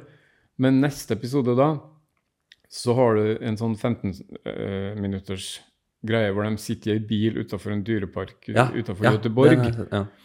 Og så forsvinner en etter en. Mm. Altså Først trekker de lodd fordi, om hvem som skal være først og sist, og sånn, og krangler litt om rekkefølgen. Og så forsvinner den ene etter den andre. Ja, før det igjen så kommer den dyrehagevakta, som selvfølgelig har fiksa det her uh, uten sine overordnas tillatelse, og vil ha 10 000 til, liksom. ja. Og det skraper de jo sammen og spleiser og fikser, og så forsvinner én og én. Men det er ganske underfortalt. Sånn at jeg husker Ola G. Furuseth, som spiller Vidkun. Han hadde dratt og tatt T-bane til, til noe jobb, eh, sikkert noe teater, dagen etter at den episoden ble vist. Og da hadde han møtt ei dame på T-banen, ei eldre dame, som hadde sagt Gjorde dere, skulle dere gjøre det som jeg trodde at dere skulle gjøre i den scenen i går? Og så hadde Ola sagt ja, han var redd for det, da. Og så var hun sånn yes, fordi mannen hennes han had, var helt sikker på at det ikke kunne være det. Nei. det sånt kan ikke NRK sende i Nei, beste nei. sendetid, liksom. Men da, hun var glad fordi hun hadde hatt rett, da. Men ja, så det, der er det jo rett og slett dyre uh, Altså folk som har den tilbøyeligheten Ja. som vi leker med, da. Som er selvfølgelig ugreit på alle måter. Men i en dramatisk karakter så blir det ganske fantastisk. For når du vet at Vidkun har de tankene, og når han i noen episoder senere ligger på gulvet og spiller dyrelotto med ungene sine, så er det helt fantastisk. Sant? Han husker alle dyrene og Ja. finner det lett. Og, og, og du skjønner at de ungene de skjønner jo ikke egentlig hva som foregår i den scenen. Så det er veldig mye å spille på, da. Ja, jeg husker ikke i detalj om det, om det sies høyt, hvis hun dama tvilte. Men var det fordi man, dere valgte da, det, da blir det mindre smakelig hvis man sier det høyt? Det sies aldri rett ut. Nei. Men uh, de snakker om den tigeren, og husk at det, det er ikke mange av denne tigertypen igjen i verden, og, så vi skal faen meg ha respekt, Ja, liksom. det, det husker jeg at Sånne Nordin ting. sier heller. Ja. Ja, den er veldig morsom. eh, Det er veldig morsom, den greia. Jeg har, jeg har gjort noen notater, da. Så at jeg skulle passe på å komme på noen av de tingene som eh, For jeg har veldig sånn spredd, spredte ting. Ja. Og det ene springer ut av det å være helårssyklist, og det handler om sportsutstyr. For senest i går så bladde jeg i en bok som er vel en slags sånn Det er noen bildeserie og et svar på en kontaktannonse. eh, Ja, det var dårlig forklart, men det var i hvert fall Du har skrevet den, tror jeg? Jeg har skrevet teksten i Ja. en bok som eh, en fotograf har uh, laga, ja. Det er en billedbok om Jotunheimen, Mm. og så begynner det med en, en jente som etterlyser en eller annen kjekk fyr. En friluftsfyr. Og så er hele i, Mellom bildene så står det vel et, da, et langt svar. Eller er det en korrespondanse? Det klarte jeg aldri helt å, å Nei, det er på en måte et langt svar. Et langt svar, og der står det at uh, det, du syns at det å bla i, eller karakteren syns at det å bla i skandinavisk fjellsportsutstyr Boka er som et pornoblad. Og jeg, det var jo i hvert fall før en butikk i Trondheim. Som jeg syns skal- var det var en butikk i, i Bogstadveien. Skandinavisk høyfjellsutstyr. Å ja, Ja. den var i Trondheim òg. Jeg hadde bare Ja, sett, jeg jeg, bare sett jeg i tror nå finnes den bare i Trondheim. Fordi den, den er en utrolig butikk, og senest i forrige uke så fant jeg også en sånn sportsbutikk eh, på Billingstad, som var en sånn Anton Sport møter Brå Sport ganger to, som hadde alle mulige merker som ikke er vanlige, og, og jeg syns det er veldig gøy med sånn sportsutstyr, og jeg skjønner at du også syns det er litt gøy. Hvor kommer det fra? Nei, det kommer fra altså helt praktiske behov. Jeg har, som vi nå har vært inne på, da, altså helårssykler i mange, mange år. Og da må man ha det rette tekniske klesutstyret, rett og slett. Du kommer deg ikke unna det. Du må ha ull, du må ha ting som kan puste, du må ha ting som tåler eh, vind og snø og, og, og regn, men som likevel tørker fort som ikke er tungt. Altså, du kommer inn i et segment av behov, da. Mm. Så du syns ikke det er fint bare å se, bare se på det og ta på det? For det syns jeg er gøy. Jeg kan godt gå i sånne butikker en gang iblant og ha veldig lyst på ting. Jeg var i en, eh, som du kanskje har vært i, den Pinterak. Ja, Piterak. Piterak. Som er en klatre- og sove ute-butikk, tror jeg. Eh, og der hadde de en sånn Jeg så sekken din også var fra det merket Klatremusen eller Klatremussen, som er et litt sånn dyrt utendørsmerke som er litt sånn styggfint, vil jeg kalle det den stilen. Og det var sånn fantastisk utebukse som kosta 10 000, og den er sånn Du føler at du kan stikke i den med kniv, og at det ikke går gjennom. Det er ikke sikkert det er tilfellet, men den virka så Og jeg får Jeg bare jeg får helt sånn Jeg har ikke noe behov for en så fin bukse, men jeg får helt Jeg blir helt gal etter den. Og har så Hva, hva, hva gjør du når du kjenner det begjæret? nei, men det kjenner jeg uh, igjen uh, veldig, da. Men uh, der har jeg vel prøvd å lære meg til å leve etter en slags regel om at hvis jeg har behov for det, så er det greit, liksom. Men jeg kjøper meg, og det har jeg aldri gjort, ei bukse til 10 000 eller 8000 for den der, jeg vet ikke hvilken du snakker om, men Klettermusen, da, som de heter, det er et svensk merke, de har ei sånn um, skifjellbukse Det er den. med sånn Bukse som er sånn lilla-grå? Grå, ja, mørkegrå ish, lilla? ja, det er sant. Med seler, sant, og så, som ei snekkerbukse, på en måte. da. Ja, og så noen sånne voldsomt store spenner. Det er Ja. den, da. Men den koster 8000. Å ja. Og salg, det, det kan jeg ikke bruke. Altså det, det her vil jeg ikke ha lov til å liksom for meg sjøl å gjøre. Men jeg har den buksa, for jeg har kjøpt den på Finn. For, for under halve prisen. Ja, den kostet fem da jeg var der. Og da er det Å ja. ja. Men det er ikke sikkert vi snakker om samme bukse. Nei. For den jeg snakker om nå, den koster åtte, liksom. Ok. Um, men når jeg da finner på Finn, og den er litt brukt og har litt sånn uh, merker etter at noen andre har holdt på med det, og så har det blitt under halve prisen, da er det greit. Ja. Så det gjør jeg iblant, da, på de ekstreme tingene. Men når du snakker om sekken Jeg har hatt veldig mange sånne sykkelsekker opp gjennom årene, og, og de varer to-tre år, og så er de egentlig slitt i filler. Fordi det er jo ikke en dag uten at jeg bruker den i alle slags vær. Men den her har har jeg nå hatt i kanskje fire år. Begynner også å bli litt slitt, men det er den absolutt beste sekken jeg har hatt. liksom. Så det at den koster 1000 eller 2000 mer, det, akkurat da er det greit. Jeg liker at det er litt dyrt, jeg, og jeg, det, jeg liker at det er dyrere enn det jeg egentlig har råd til. For da blir jeg sånn Å, da, da kan jeg holde det. Ja, Og jeg gikk på en sånn smell, jeg vet ikke om du har fått dilla på det nå. Og dette er jo egentlig bare en forfengelighet, i hvert fall fra min side, da. Det er både det praktiske, men jeg er bare jålete, liksom, på det. Uh, og da hadde jeg vært i USA og sett et merke som het Yeti, som egentlig lager sånne veldig solide isbokser, som er åtte ganger så dyre som vanlige isbokser. Fordi de er bjørnesikre og alt, alt mulig bra, da. Altså en isbo... Hva er en isboks? Eh, altså en fryseboks hvis du skal på tur Ja, du har med deg en, eh, en. Altså en eh, hva, hva heter ikke isboks? du, Jo, jo, men jeg, jeg bruker det ikke. Jeg kjenner ikke. Nei, altså du har is i bånn, og så har du kanskje noen brus. Ja, sånn, ja. og, eh, det er jo egentlig laget til fisk, da. Ja, du du er ute og fisker, og så skal du ta det med deg eh, hjem. Det er det det er lagd til i. USA. Jeg eh, hvor det er mer, litt mer sånn utstyrsfokus og utstyrsbehov. Og hvor du alltid har pickupen eh, fem Ja. cm unna. Ja. Ehm, og det er jo det Yeti er gode på. Og så har- lager de alt. Mye til fiske og jakt. Og så vi, De lager kopper og alt mulig som jeg syns er vannet ut, da. Men, uh, men da kjøpte jeg en sånn bag som er submersible, og den jeg har den her, den er så tykk. Og den er helt sånn gummitykk, og glidelåsen står 'pull hard'. For den er sånn stor og massiv glidelås. Og det første, jeg, første gang jeg hadde på hytteturen min, hyttetur, så putter jeg alle tingene mine oppi. Jeg har ikke testa den ennå. Lukker den helt. eh, Den var my mye dyrere enn jeg hadde råd. Hiver den uti vannet og hopper etter den bare for å teste. Er den submersible? Og den er potte tett. Jeg kan sitte oppå den som en badering. Tar opp på alt. Eh, Altså, iPhone lader alt. var helt tørt. Jeg, blir tar hendene og hodet og jubler for Jeg syns det er så gøy med sånne solide, svære Ja, det er gøy.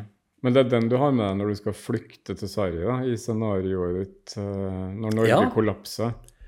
Ja, det jeg fant ut, er at den er litt for lang, så hjelmen blir sånn ah, ja. Man blir litt sånn trykket, men ah, ja, for det er en ryggsekk også. Det er en duffelbag jeg skal vise deg nettopp. Duffelbag slash ryggsekk som jeg bare fikk så dilla på.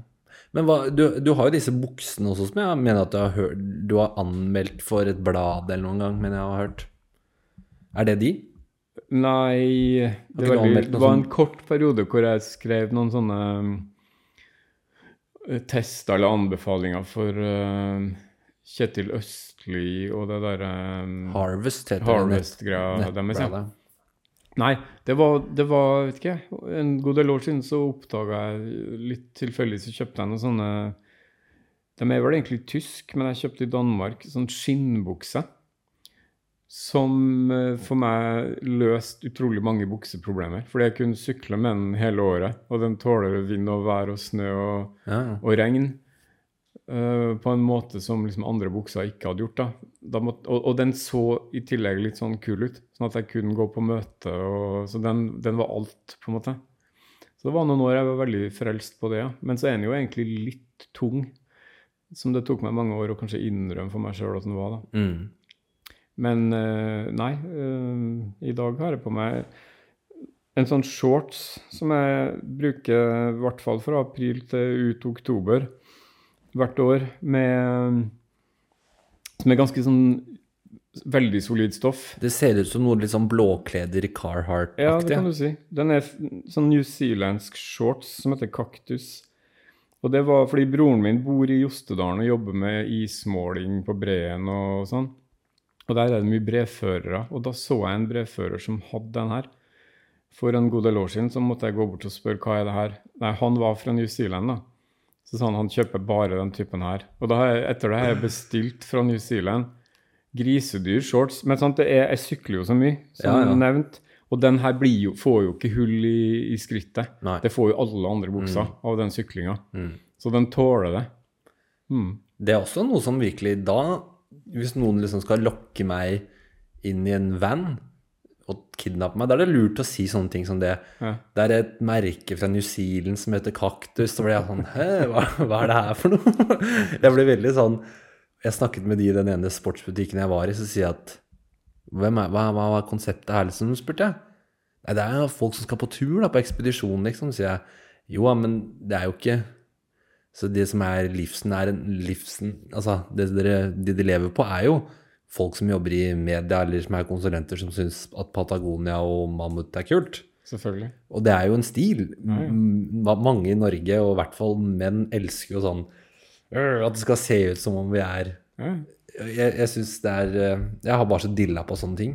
Og jo mer sånn derre sjeldent og fra New Zealand det høres ut, jo mer har folk lyst på det. Jeg har det også sånn, men jeg bruker det jo. Altså, det er veldig lite av det som blir det. liggende. Det blir brukt, og det blir slitt. Og den, den gang nummer to, fordi den første jeg kjøpte Jeg tror jeg gikk ned en del i vekt, så da, da var det litt sånn rom i livet, så jeg ville ha en ny sånn shorts. Mm. Og da gikk jeg for en modell som var ørlite billigere, da. Mm. For jeg tenkte det må vel Nei, den fikk jo hull i skrittet med en gang. Okay. Så man må liksom ha den ordentlige tingen. The real deal. Ja. Ja, man må det. Jeg syns det er veldig gøy med sånne Jeg vet ikke om jeg har noen mer notater på akkurat Jo, jo, jo. Det spinner jo ut av at det står her Amundsen-jakke.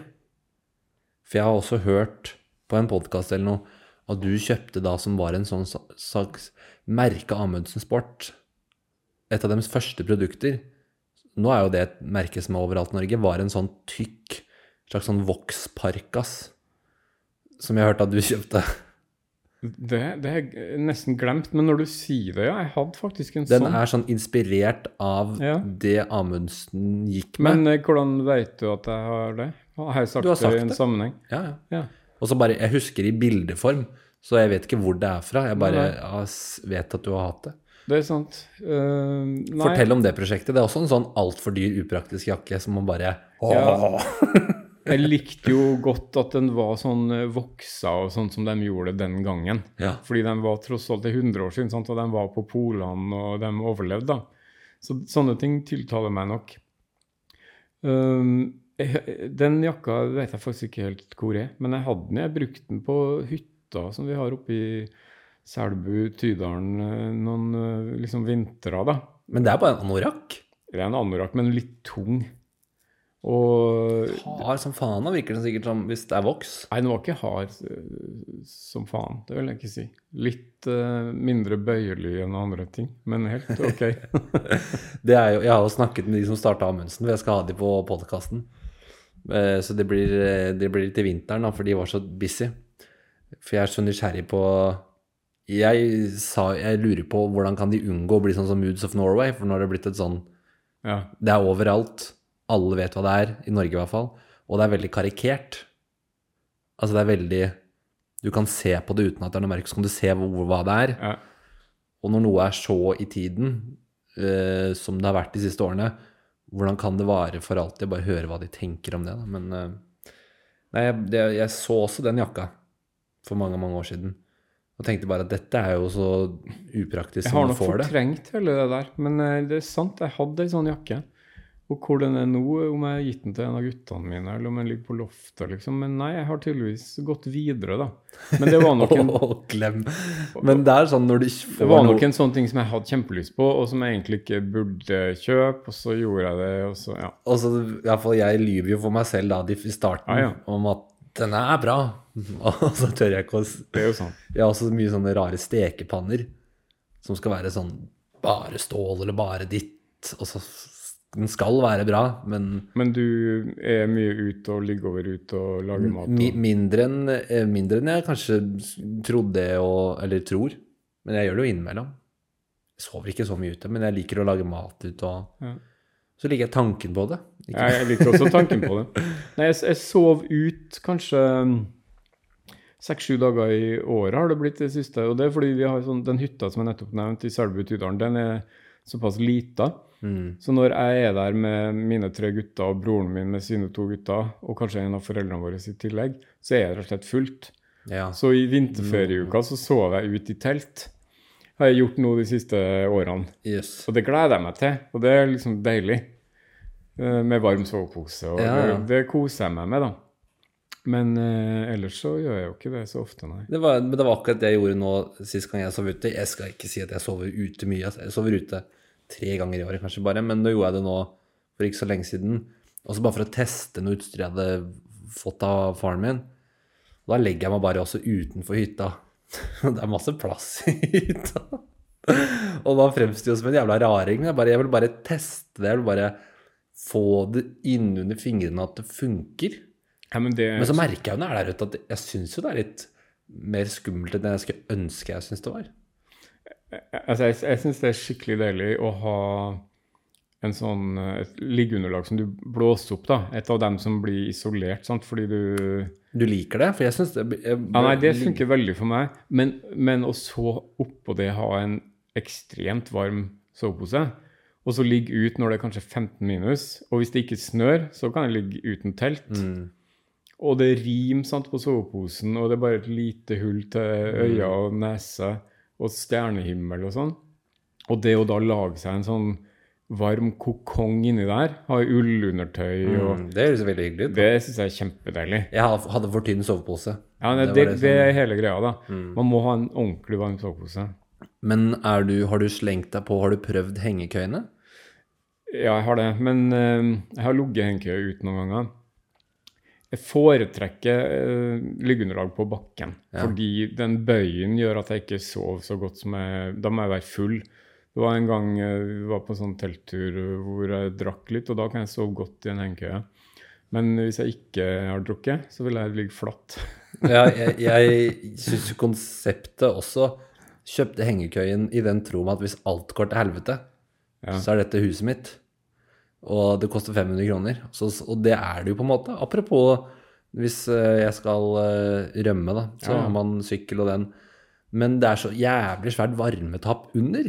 Ja, men Og så må du ha den der dumme liggeunderlaget oppi, men da blir det veldig vanskelig, da. Hvis du plutselig skal ut på do Oi, nå skrev, Nei, men det er varmetapp under. Men det har jeg løst en gang eh, altså med å nettopp ha en sånn oppblås uh, liggeunderlag under, da. Men ikke så oppblåst at den ikke kan bøyes. Da funker det. Men jeg sover uansett mye bedre flatt enn jeg sover. Jeg, jeg kan godt sove to timer i i hengekøye, men åtte, det, Mm. er da, verre, ja. det er ikke like bra. Nei, jeg ser den. Hvor er det du sover ute hvis du ikke da er oppe på hytta?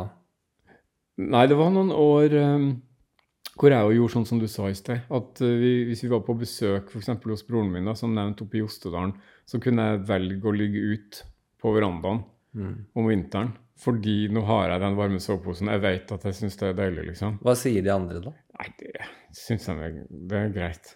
Det, men jeg har jo ikke gjort det. Dette er jo i en familiesammenheng. Folk kjenner meg, liksom. Ja.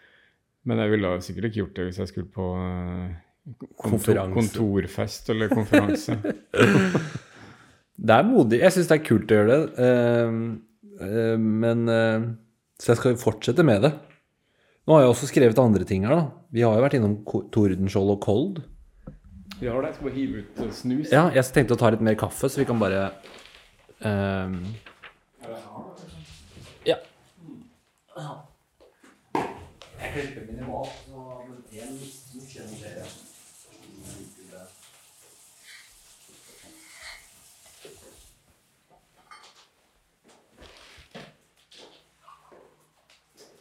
Oi. Eh, ja, og det jeg har skrevet Jeg skriver bare i stikkordsform, da. Chat GPT til helvete. Oh, ja. uh, og det var uh, Jeg pleier jo ikke Jeg gjør ikke alltid så mye sånn research digitalt. Jeg gjør bare research i hodet. Intuitiv research. Nei, bare hva tenker jeg på, fordi Ja.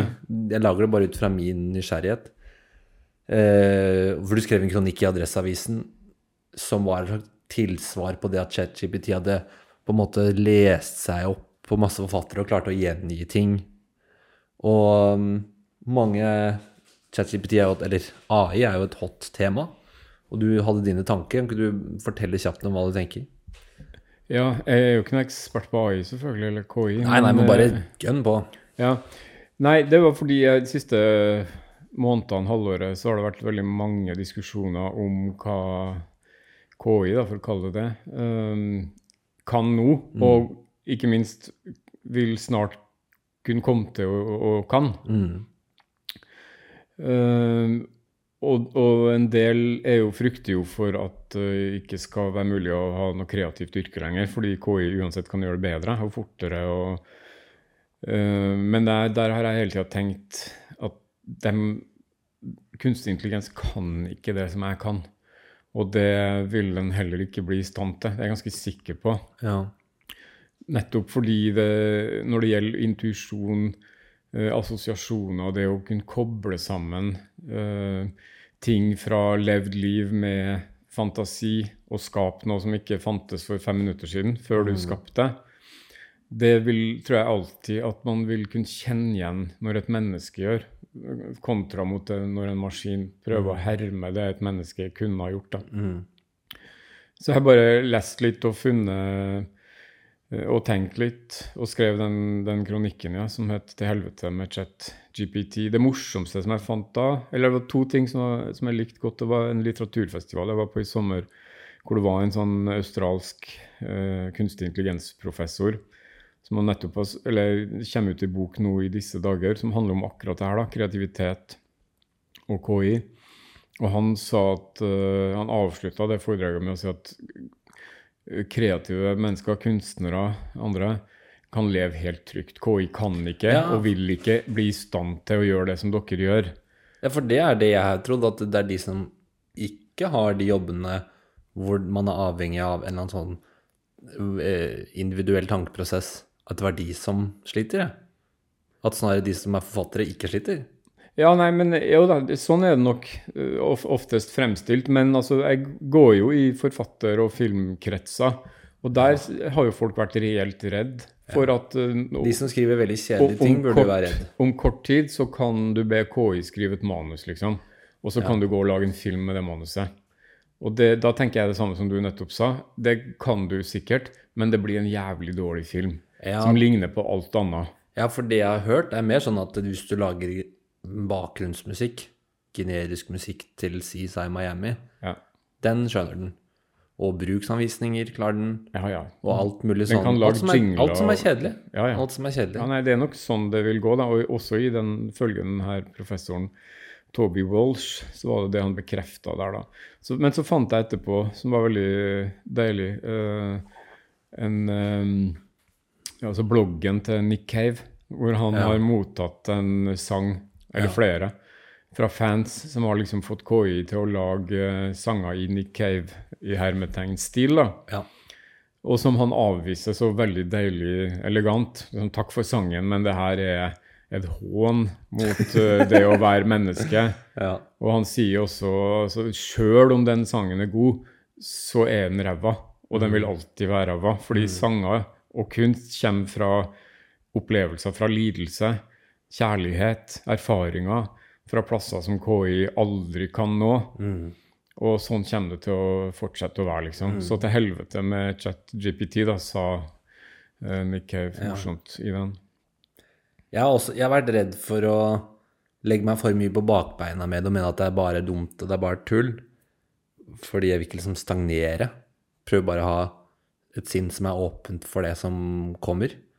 Så det jeg gjorde, den logoen til podkasten min, er jo laget av en sånn derre dårlig Ikke den dyreste, men som en sånn kunstig intelligens-greie. For da vil jeg ha jeg ville ha et sånt sånn, litt sånn ironisk, men riktignok majestetisk portrett av meg selv som en sånn gresk gud med rødt skjegg som slåss mot en haitiger. Så Og sånn så syns jeg det. Så jeg begynte bare å tulle med det. Men så, ble, så begynner jeg å lære det fordi jeg bare tuller med den. Mm. Og det ble liksom min, løsning, min måte å, å bruke verktøyene For jeg syns de Jeg syns ikke de klarte å gjøre det jeg ville, så jeg bare begynte å tulle med det, og så ble det en, en artig ting. Men det er jo mange Og mens jeg ser da den teknologien rase fremover den veien, og jeg hørte senest i stad at eh, snart vil AI kunne dubbe ting, så podkaster som den her kan dubbes til Jeg håper det blir bedre enn NRK Nyheter sin eh, oversettelsesfunksjon, hvis du har hørt den. Nei. Nei, den er helt sånn flat. Du, du hører du hører den der stendige sekretæren på Nobelkomiteen gå ut, og så sier han sånn Så hører du de første to ordene på svensk, sant? Ja, årets Og så kommer den der helt flate Vi har bestemt at Jon Fosse tildeles Altså helt sånn uten Ja, ja. tonefall. Ja. Som, Har det eh, kommet, det? Der gjenstår det litt, da. Hva da? At det er det kunstig intelligens som gjør det, eller er det bare sånn Nei, nei, det er det sikkert ikke. Ja, fordi, eh, fordi det som jeg irriterer meg, at det er mange ting teknisk i hverdagen som ikke funker. Som jeg gjerne skulle at de tok tak i først. Ja, ja. Det er mange biler, hvis jeg bruker sånn hyrebil, som man leier, med Bluetooth. Altså det er veldig ofte jeg bare må gi opp. De, vil ikke. Den, det er Bluetooth her, og det er Bluetooth der, men den Ja. bare Det går ikke. Det bare, det er helt umulig. Ja. Og bare mine sånne headset, som ikke da er Apple, skal prøve å knytte til telefonen min. Det er jo et helvete.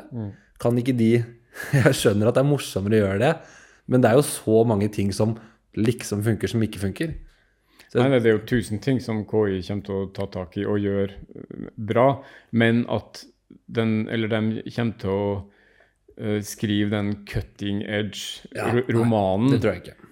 eller liksom kunstverket musikken, det, det tror jeg ikke å nekte å tro. Men det, det er jo sikkert mange elever som kommer til å begynne å lage enkle norskoppgaver og sånn. da. Hva tenker du om det? Jeg har jo sett at du vil at norske elever skal lese litt mer.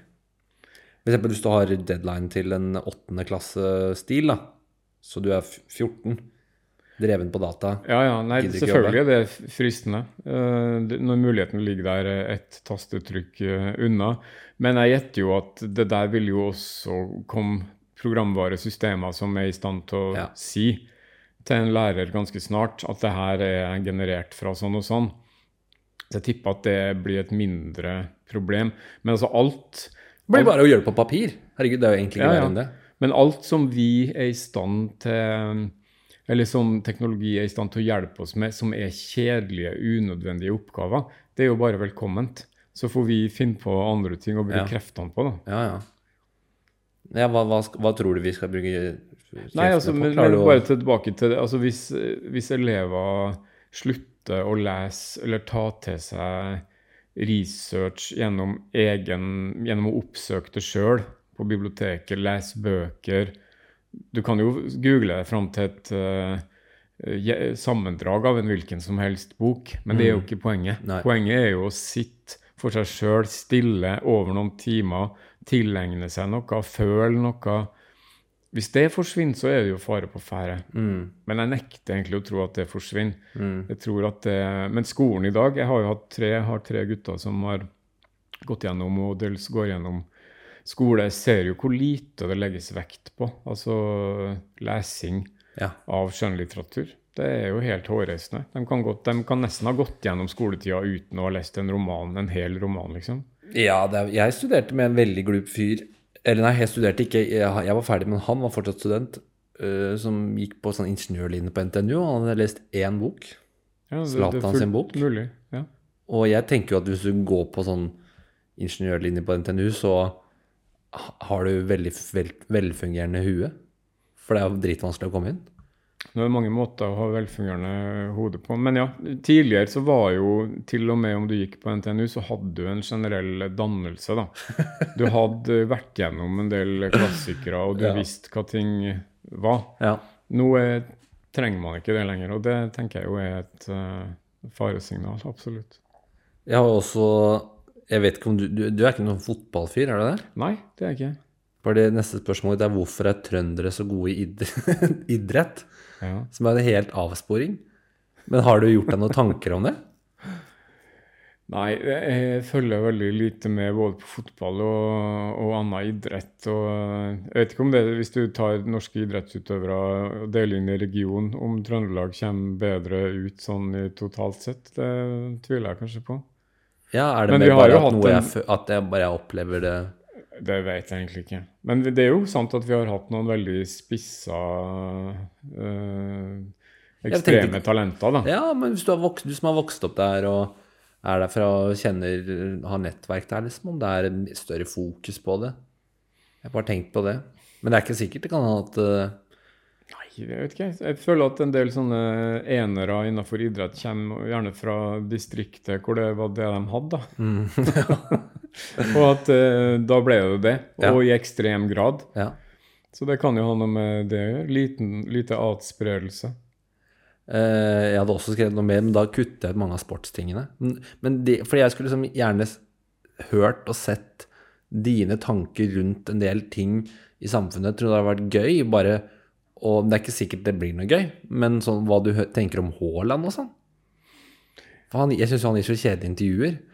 Men hvis du kunne paret han opp med deg på en måte og få gjort et eller annet Jeg er ikke interessert nok. Jeg har jo fått med meg fenomenet Haaland, og jeg er fascinert av at det kommer en fyr fra Bryne som tydeligvis er bare bedre enn alt, og at folk tror det er løgn når de ser på det.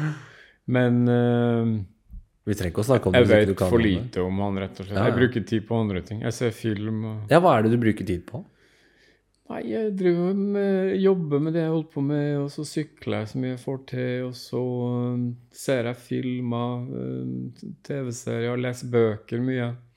Så det er jo noe med at verden er så stor, Mm. og jeg, jeg, jeg setter jo fortsatt pris på det å kunne være konsentrert om noe som interesserer meg. Jeg trenger ikke alle de adspredelsene. Det er Mm. deilig å rydde bort alt som jeg opplever som støy. da. Selv om jeg skjønner jo at Haaland ikke får mange støy, men en stor kilde til glede og beundring. Så ikke et vondt ord om det.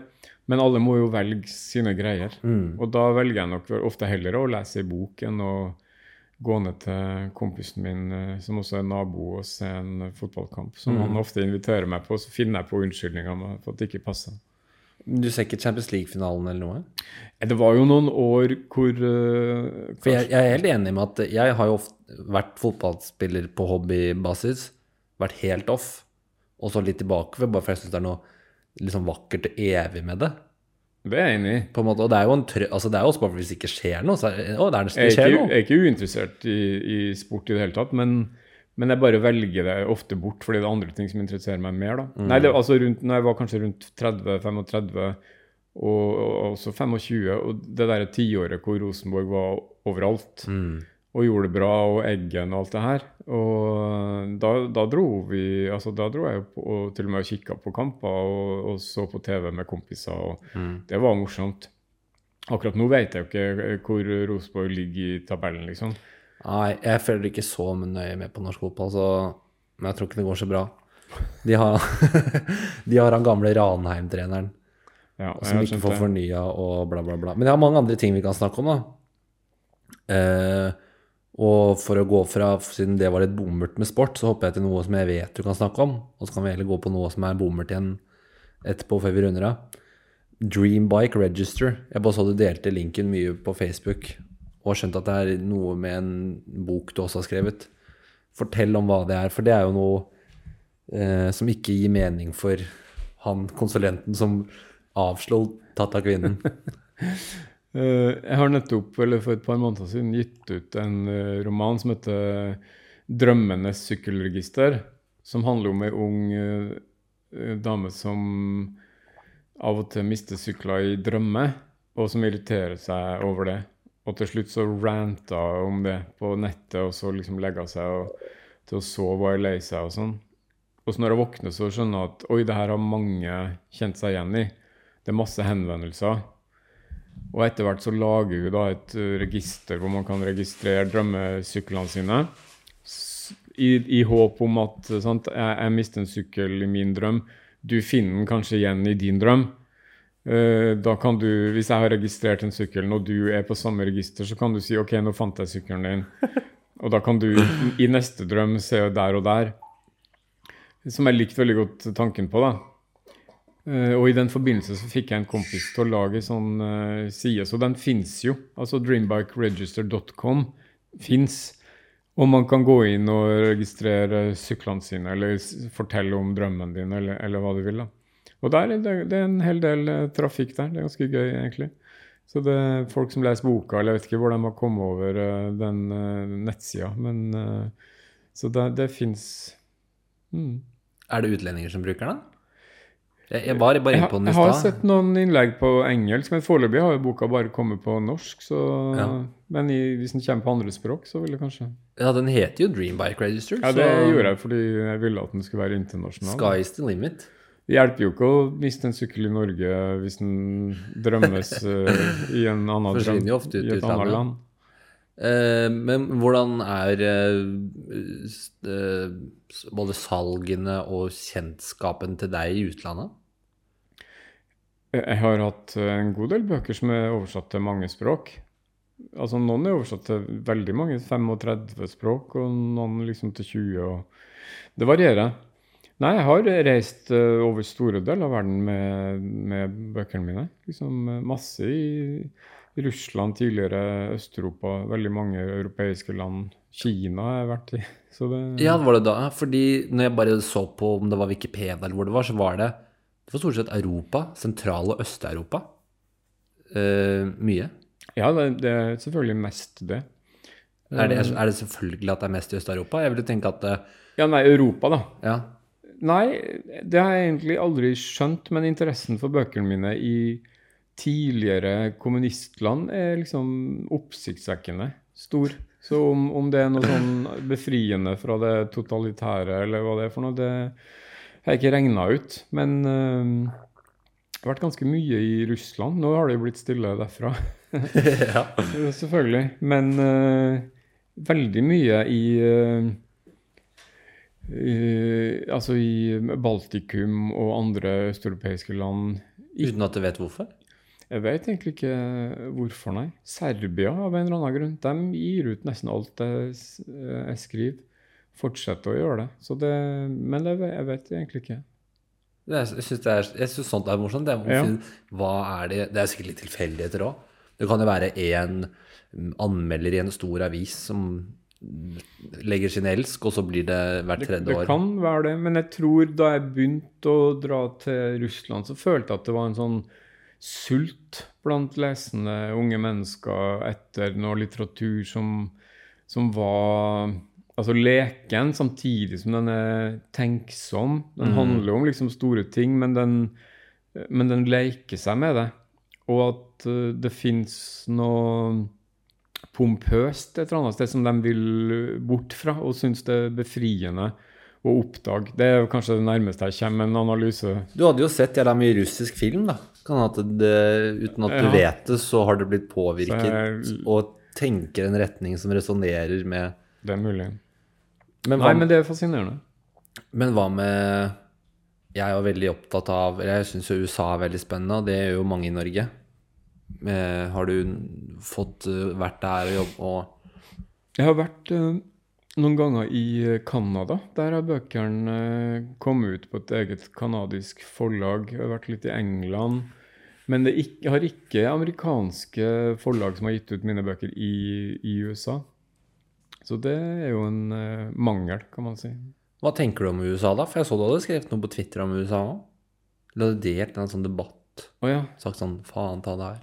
Eh, nei, USA syns jeg er jo et utrolig spennende land. Jeg har jo vært der eh, noen ganger som eh, ja, turist og ja, samarbeider av og til litt med noe manus som kanskje kan bli film og sånn der. Men nei, en, endeløst fascinert av USA som, Ja. som land. Ja, ja. hva hva er det du liker med USA? Eller fortell.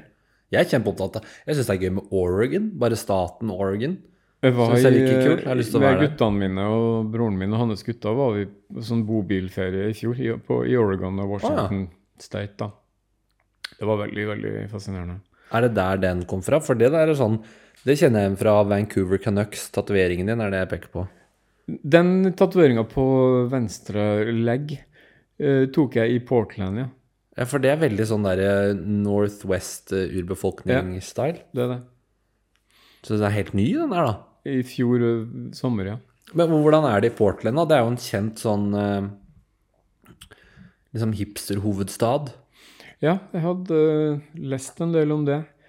Da vi var der i juli i fjor, så var det mest Eller det som var mest iøynefallende, var hjemløsheten, som er helt ekstrem etter korona. Så det var på alle liksom rabatter i, langs motorveiene og også inne i sentrum. Det ser man f.eks. ikke i Los Angeles og San Francisco, for det er ikke lov å ha telt på fortauet. Men i, i Portland er det lov å ha telt på fortauet. Så der var det sånn endeløse rekker med telt, da, og folk som hadde um, Inntil nylig, faktisk, mange av dem som vi hørte hørt om og til dels snakka litt med, hatt vanlige liv med hus og garasje og bil og jobb. Og så ryker jobben under korona, og da går det veldig kort tid før huset og garasjen selvfølgelig ryker. Og så, siden USA er som de er, så finnes det jo lite sikkerhetsnett da, i forhold til det vi er vant til. Mm. Så da er, da er veien veldig kort til det fortauet. Og vi var jo på et stort antall sånne campgrounds, siden vi hadde leid en sånn svær bobil. Og da skjønte jeg også at det var mange som hadde mista huset. Men kanskje har de fortsatt eh, bobiler, da. Og da har de råd til de eh, kanskje 300 dollar i måneden for å være på den campgrounden. Mm. Men de har ikke råd til noe hus. Nei. Og så drar de ut uh, med lita bil om uh, morgenen og jobber. Og så kommer de tilbake. Til, til bobil om kvelden. da. Så det er veldig veldig tydelig bare når du er turist altså i et par uker i, i fjor sommer, å se liksom uh, hvordan det landet er skrudd sammen da, med ekstremt mangel på eh, velferdssystemer. Og at når du faller, så faller du helt ned veldig fort. Mens Mm. vi kan jo også falle, men vi, det er noen som tar oss imot. da. Ja, for jeg var jo i Nord-California, altså nærme Oregon, men og forventet å se alt dette hjemløsgreiene som jeg har hørt mye om. Og fentanyl, som er en veldig farlig, veldig sterkt drug, har jeg skjønt, som herjer i San Francisco. Og vi var jo mange steder i San Francisco, og jeg så mange færre hjemløse. Om det er fordi byen har tatt grep, eller hva det er, aner jeg ikke. Men eh, jeg opplevde jo Jeg så ikke det der. Det kan hende at det er lovende i California, da. Men de jeg bodde hos, de sa at du får 600 dollar i måneden og mobilabonnement, sånn at veldig mange hjemløse trekker til California. Oh, ja. Fordi staten har et Fordi de 600 kronene er attraktive. er 600 dollar. Er dollar, ja. Mm. Mm. Ja, eller det er varmt nok til at du kan sove ute hele året. Du får mobil, og du har nok til å klare deg som én person. Så det er jo ikke noe for en bærekraftig for en familie. Nei. Men det er jo De Ja. De, de er ikke så De har et litt annet syn på det. Men eh, hvis du ikke skal snakke om det kjipe med USA, da, hva er det du syns er gøy med USA? Nei, nei, altså det som fascinerer meg, er jo at USA er et konglomerat av uh, folk fra eh, bokstavelig talt hele verden, da. Selvfølgelig grunnleggende sett stort sett europeere som kom dit uh, sant? Når, når de fordreiv Når landet ble åpna, da, som vi så Mm. fint sier, mens det egentlig handler om et folkemord. eh, som de eh, til dags dato ikke klarer å snakke om, og til dels vil forby skoler å fortelle om. Hva er det du snakker om da? Nei, altså at det bodde noen der da de Ja. eh, hvite kom, som, som var veldig, veldig tydelig, og var også litt av grunnen til at jeg syntes det var fascinerende å dra til Washington og Oregon. For jeg leste jo hele min eh, sånn tidlige tenåringsfase leste jeg veldig mye om det som vi kalte indianere da, den gangen, som man nå ikke skal kalle det. Men nordamerikanske urbefolkninga var jeg veldig opptatt av, og jeg til dels er uh, opptatt av. Uh, og den delen av USA rundt Altså helt på østkysten Nei, jeg mener vestkysten, da. Rundt Seattle, Washington, var jo der de fikk hver beholde opprinnelige, altså sitt opprinnelige levevis lengst. Okay. Fordi det tok lengst tid. sant? Det var Mm. helt lengst vest. Og mange andre deler av USA var blitt befolka av europeere. altså. Mm. Men de holdt stand liksom Mm. lenger enn andre plasser. da. Og det å kjøre rundt i de helt altså naturmessig helt fantastiske områder, Mm. noe av det flotteste jeg har sett, Mm. Med skoger, kystlandskap, fjell. Eh, men alt føles bare sånn mye større. Altså Det ligner på det her, men det er større. Sant? Alt er så mye større. Og de, de trærne er jo helt absurd store Mm. på den eh, Olympic Peninsula, som det heter, sånn halvøy utafor Seattle. Skogene er helt vanvittige. De Mm. trærne er enormt tjukke. Og Er det sånne redwood trees, eller? Det er ikke redwood, det er nok en type eh, furu og, og gran, altså Douglas-gran og andre arter, Ja. som har fått stå i fred da, i, i svære urskoger, og som er jeg vet ikke, sikkert fire ganger større enn et vanlig norsk uh, grantre, liksom. Man føler seg litt mini. Ja, jeg var i sånn, jeg, jeg var i sånn elsker å gå tur i, i de skogene.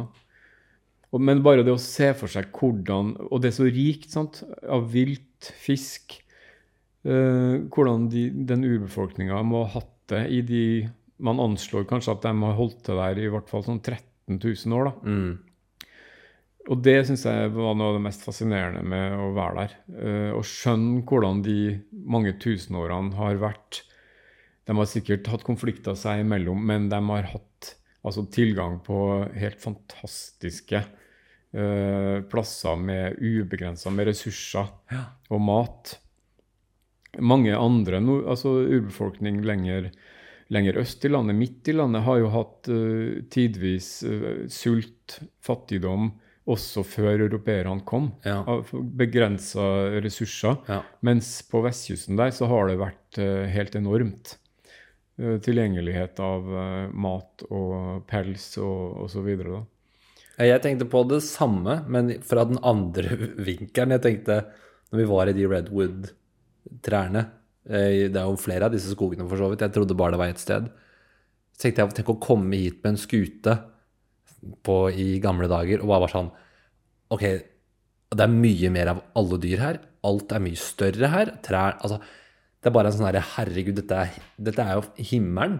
Og det er Jeg syns jo Europa og Norge er utrolig vakkert, men det er jo ingenting ved kysten der som ikke Altså, det er jo De har jo alt det samme. De har jo alt det samme. Ja, Så det må det, være et helt sånn derre Du må bare De må bare slått helt i bakken Det er et forbløffende land. konge. Og klimaet er helt topp, Ja, ja. liksom.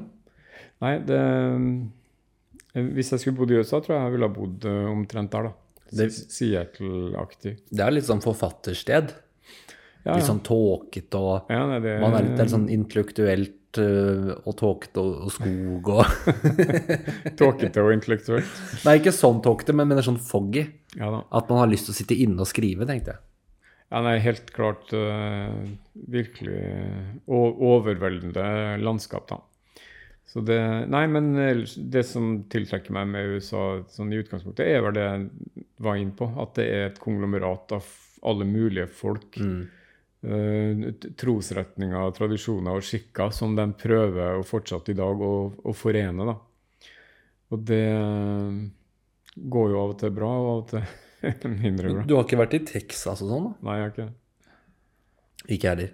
Men det er det som er min neste lille mission. Jeg har bare lyst til å se Jeg, jeg har ikke helt tallene, men det er vel større enn de fleste land. Texas er stort. Ja, og bare den derre massiviteten, og de har møtt fra Texas Det er kanskje en klisjé, men at de har en litt annen De er litt har en annen holdning. De er litt sånn de, de, de, er, de er morsomme på en måte. De er gale og morsomme.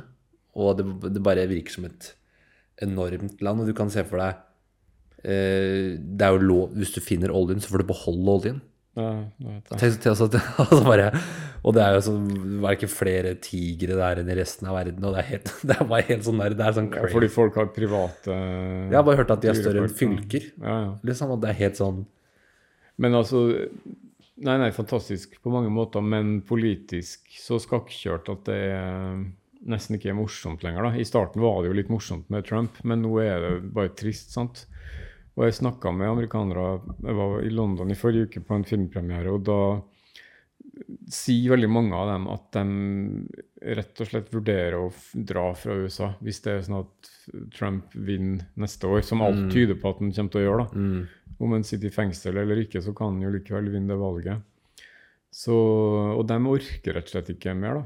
Nei, Det men er, det her, det er for stigmatiserende. Nei, det her var filmarbeidere, klippere og castingfolk og lydfolk og sånt som jobber med en uh, regissør som jeg jobber sammen med. Mm. Ja, nei, det er jo sikkert delt. De jeg var med, var heller ikke noe glad i verken De var ikke noe glad i noen de, I noen. Nei, nei.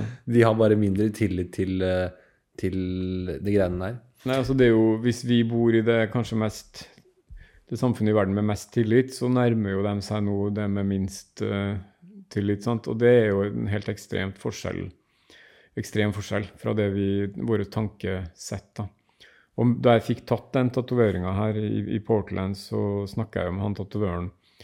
Og han sa at Portland er jo nå et av de stedene hvor du kan ha håndvåpen uten å Det må ikke være synlig. Nei. Så han, han sa at jeg måtte nok regne med at sånn hver tredje-fjerde person som jeg gikk forbi på gata i, i Portland, har en pistol. Ja. Og det vet jeg ikke om jeg hadde orka å bo i et sånt samfunn hvor det skal utrolig lite til. Kanskje bare en misforståelse, sant? Ja. Før den I hvert fall før den tas opp. Ja, det er det. Om ikke annet. Jeg, tror, jeg er ikke sikkert de skyter, men at uh... Nei da. Men altså, bare det å vite jeg gjør jo livet ganske sånn anstrengt og kunstig, da, vil jeg Mm. tenke. Jeg så en eh, Vi snakket om det på det jeg jobbet før, og da opplevde jeg at jeg ble eh, veldig misforstått, fordi det handlet om en, var en reportasje på Dagsrevyen, tror jeg, om sånne m- mødre i Texas som drev, var på skytebanen. Eh, og, og folk har jo forhold til at Texas-folk er gærne, og det er de helt sikkert, mange av de òg. Men hvis jeg hadde vært alenemor og bodd i Texas og visst at alle kriminelle Her er det stor forskjell, det er mange fattige her, og alle de kriminelle har tilgang til våpen. Eh, Og, så, så det er jo Jeg skjønner jo at er, du er på en måte over kanten. Du kan, altså, hva skal du gjøre hvis du har tre barn og er en alenemor, liksom? Én ting er meg, som er en mann som nesten er to meter, men selvfølgelig kommer de til å skaffe seg våpen. Ja, så det blir jo umulig å snu. Men livet er jo du kan jo, hvis, altså hvis man kan diskutere og finne ut av ting, så ordner det seg jo stort sett. Men hvis jeg vet at du har våpen, Ja, så er jo alt Da hadde jo jeg jo hatt det. ja. Sant? Fordi man vil jo ikke være den dusten som ikke har våpen, hvis den misforståelsen oppstår. Så det er jo en naturlig forsterkende, selvforsterkende Ja, ja. logikk. sant? Men du, du som har vært mye i Canada, hvor eh, Jeg har jo ikke vært i Canada, men jeg har vært både i en litt sånn fattig, eller normal del av USA, som jeg bodde som utvekslingsstudent, og i Ohio, som jeg beskriver som Hønefoss i USA. En veldig sånn gjennomsnitt av befolkningen. Og så har jeg vært litt i Nord-California, som er jo da en veldig rik del av USA. Eh, hvordan var det i Canada? Opplevde du at de er annerledes, sånn som vi hører om?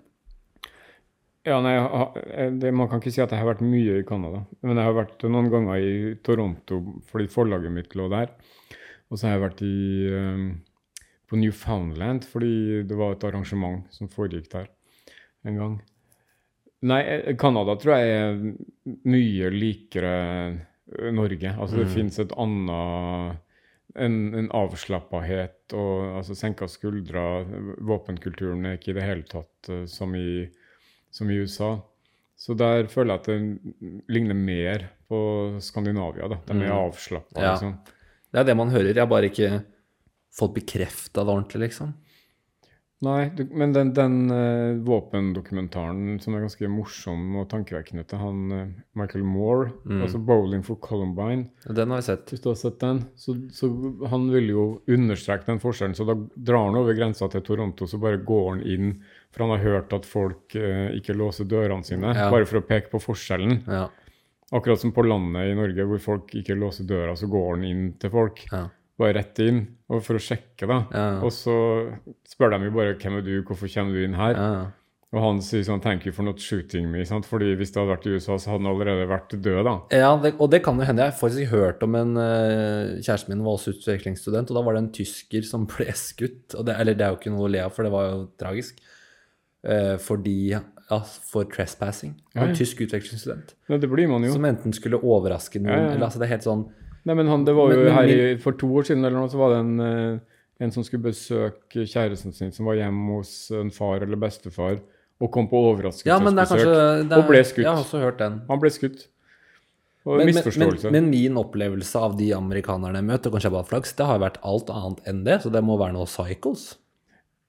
Ja, ja, nei, jeg synes jo de er dem, dem mye- jeg har møtt, er også Jeg syns de er mye greiere enn nordmenn enn de aller fleste amerikanere. Ja, de er jo ekstremt uh, åpne armer og vil høre om alt, og alt er spennende. Jeg Enig i det. Men det ligger nok en mistillit hvis du begynner å pirke. Ja, i hvert fall til uh, de som styrer. De hata de som styrer. Uh, jeg skal bare kikke om jeg har Jo, du, du sa du var så flink til å jobbe. Vi skal runde av snart, Erlend, så ikke du skal eh, være her hele dagen. Men ehm, det er jo mange Jeg lager jo denne podkasten her nå, eh, og da må man jo styre eh, hverdagen sin litt selv. Og det er jo sikkert mange som hører på, som har lyst til å prøve å lage en bok. prøve Hvordan er det du jobber? Hva er det som gjør at du klarer å eh, Du er på en måte du, du må jo ikke jobbe, gjetter jeg på, når det kommer til penger, siden du har skrevet så mange bøker og ting kan bare rulle og gå. Hva er det som gjør at du setter deg ned til en viss tid og jobber nok?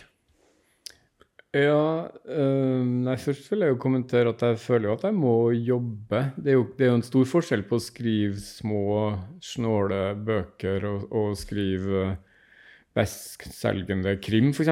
Så jeg er jo ikke der. Ja, for dette har jeg hørt du snakker om før. At Så- det er forskjell på deg og Nesbø. Ja, og på mange andre òg, da. Men, øh, men jeg føler at jeg må jobbe, ja. Og heldigvis så liker jeg jo det. Jeg, tror, Ja. jeg, jeg hadde ikke hatt noe bedre hvis jeg kunne våkne og ikke jobbe. Nei, så det kommer ikke av eh, Du jobber ikke for Jobber du for pengene, holdt jeg på å si? Jeg gjør jo det også, ja. Liker du at det er sånn? Ja. Jeg liker den eh, følelsen av nødvendighet. Jeg tror Hvis jeg hadde 200 millioner i banken, så tror jeg det var kanskje mer frustrerende enn å vite at jeg, jeg må jobbe i år for å kunne eh, få inntekt neste år, liksom. Mm. Så det, Den logikken tror jeg bare er sunn. Jeg tror, jeg tror helt på dem som, altså rike folk som har skjønt at det å gi arven videre til neste generasjon kanskje dummeste de kan gjøre, liksom. Mm. Fordi uh, man uh, skaper uh, noen monstre, da. Mm. Så det Nei, jeg, jeg er glad i det jeg jobber med. Jeg er glad i å få ideer og kunne pusle med dem. Men altså, jeg har jo ikke panikk. Det er jo ikke sånn at jeg må skrive bok i år. Ehm, men uh, Men jeg gjør det hvis jeg finner den rette ideen. Fordi da har jeg en drive, og den, den drivkrafta er utelukkende positiv for meg. Mm. Og det har den alltid vært. Mm. Hvordan har du håndtert uh, avslag og motgang i de gangene du har opplevd mye av det? Ja, men jeg har jo ikke opplevd så mye av det. Jeg, altså jeg ble jo antatt og, og debutert da jeg var 24. Ja. Og etter det har jeg jo fått antatt bøkene mine. Jeg har ikke fått noe avslag eh, av noe særlig grad. Hva sier andre forfattere når du forteller den eh, historien der, da? Er det ikke Jeg trodde veldig mange forfattere levde under at det er som en kamp mot the system, og, og at det er vanskelig å få på de ideene man egentlig vil ha? Ja, jeg kan jo ikke snakke for andre forfattere, men eh, nei, jeg er jo, jeg er jo stolt av at jeg har fått til å leve av mine små ideer i så mange år. Mm. Um, og det Det håper jeg jo liksom å fortsette med. Men eh, nei, jeg, jeg, jeg liker som sagt da, å, å være i gang.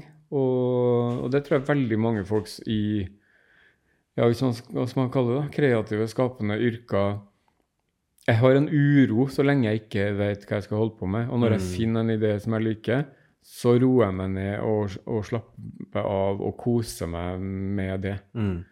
Så det er vel en slags sånn kunstnergreie som man hele tida er redd for, og kanskje jeg aldri får det til igjen. Uh, kanskje noe at jeg, det siste jeg har gjort, egentlig ikke er så bra, men ingen har sagt det til meg. Altså Alt det Mm. der kan jo ligge i bakhodet sant, Mm. som en stemme. Så man må hele tida bevise for seg sjøl at man er Mm. i gang, på en måte. da. Men det virker som du er jævla god til å, å, å stenge ute støy. Ja, det er jeg nok ganske god At til. du ikke er så opptatt av hva alle andre driver Nei, med, det er jeg Som- virkelig ikke. da. Som person, ikke at Nei. du trenger å tenke det. Jeg bryr meg ikke så mye om det. Uh, Er det sånn du alltid har vært, eller? Når det kommer til det jeg jobber med, så er det nok sånn jeg alltid har vært. Mm. Selvfølgelig veldig glad for å få en god kritikk, og jeg blir lei meg hvis det er en dårlig, sårende kritikk. Um, men det er ikke avgjørende for sjølbildet mitt. Det er det ikke.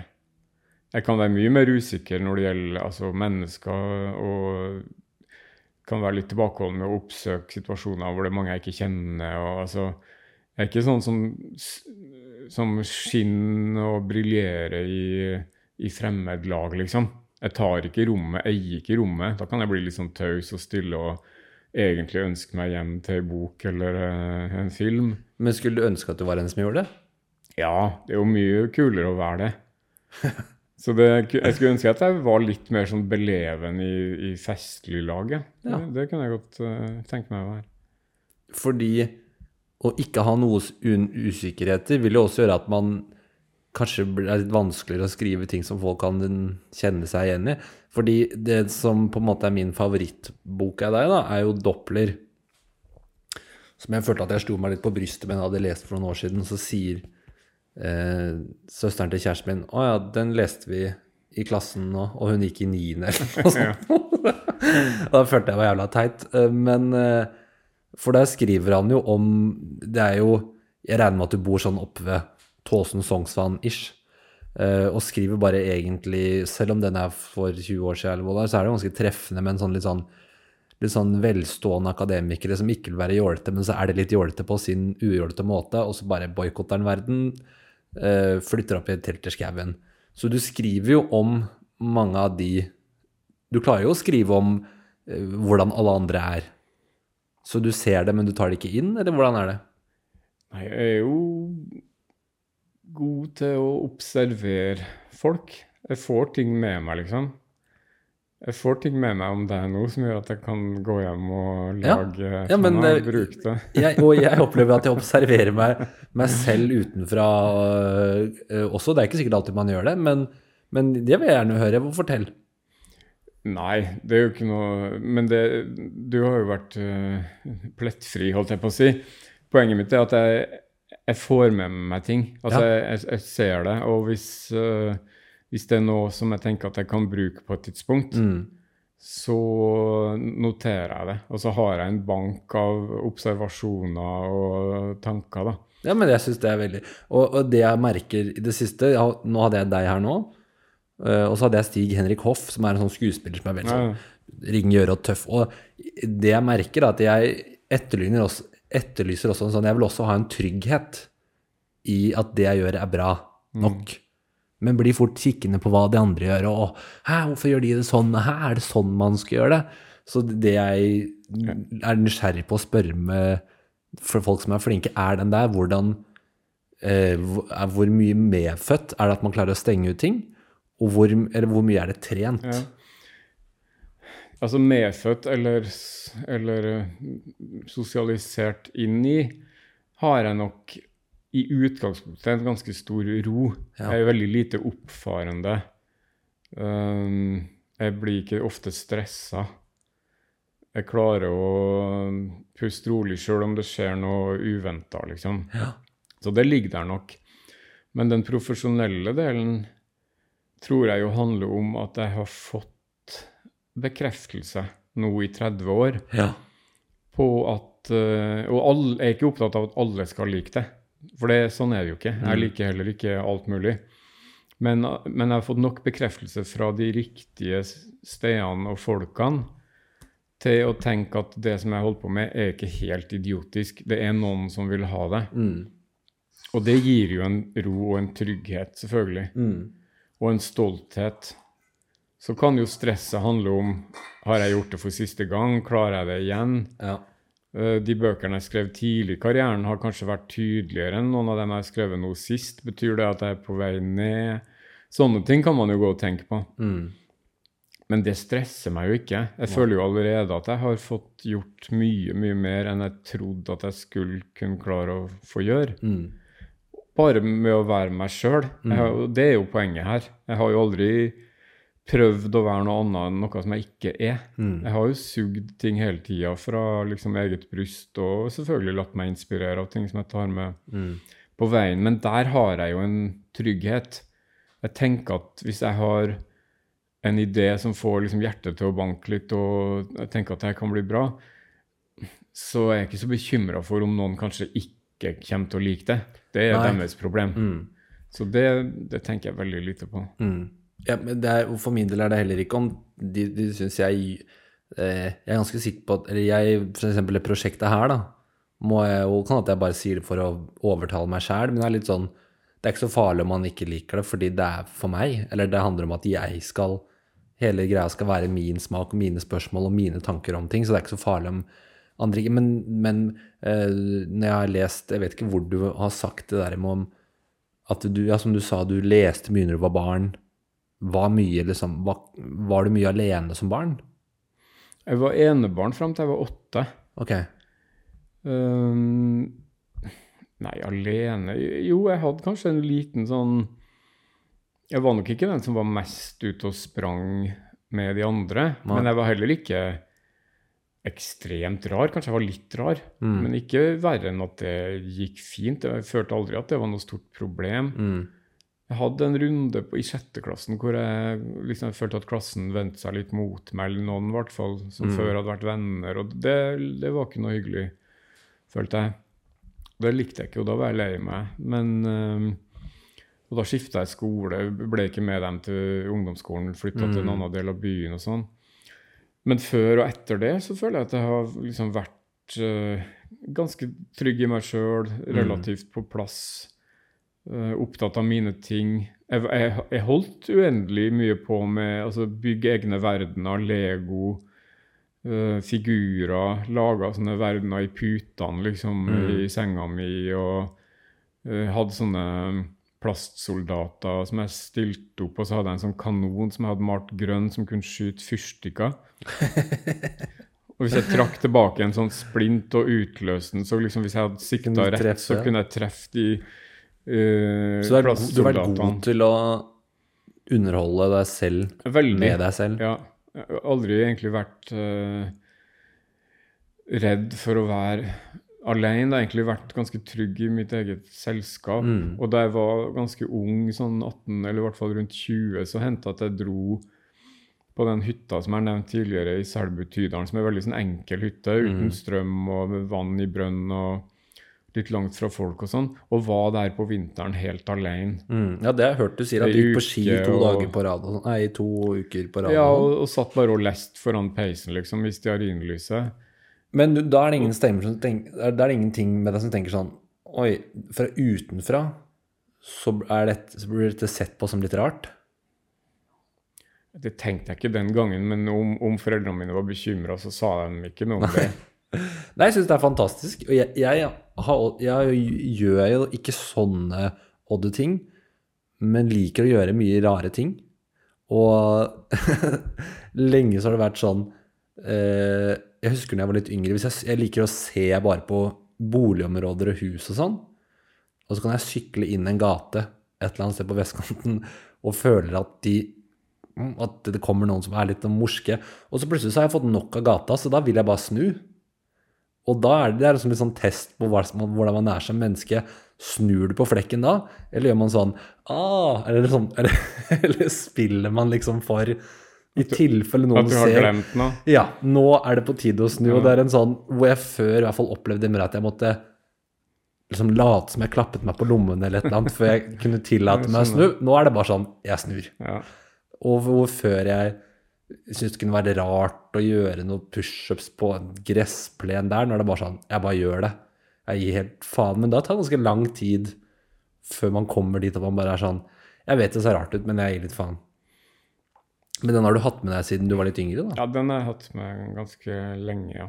Så du på det som en slags styrke da, eller var det noe du syntes var rart? Før så tenkte jeg vel ikke sånn over det, men det å kunne være seg sjøl også i møte med andres blikk, er jo en ganske sånn trygghetsting. Mm. Så det er jo veldig deilig. Og for øvrig liker jeg jo det som du Altså, det med å bo i en by kontra på et uh, lite sted hvor alle ser rarheten din, det setter jeg jo pris på her. Altså at For her er det alltid noen som gjør noe rarere enn jeg, jeg gjør. Det, nå er vi jo rett ved Carl Berner-krysset, som er en av de få enklavene i sentralt i Oslo hvor det fortsatt er mange raringer. Ja, men det er jo deilig. Ja, det er fint. Og jeg liker jo at folk kan stå i parken og gjøre tai chi, eller altså hva som helst, da. Sverdfighting er det her. At det, at det er greit. Eh, At det er veldig mye som skjer som ikke jeg hadde kunnet funnet på at skulle skje. Mm. Det er en stor kvalitet, da, syns jeg. Mm. Men det har kanskje faktisk hjulpet å bo her, hvor det er Det har sikkert et navn, men sånn japanske Ikke samurais, men altså sånn tresverd som ja, ligner ja. på samuraisverd. Ja. Ja, og så er det to som kjører sånn session uti her.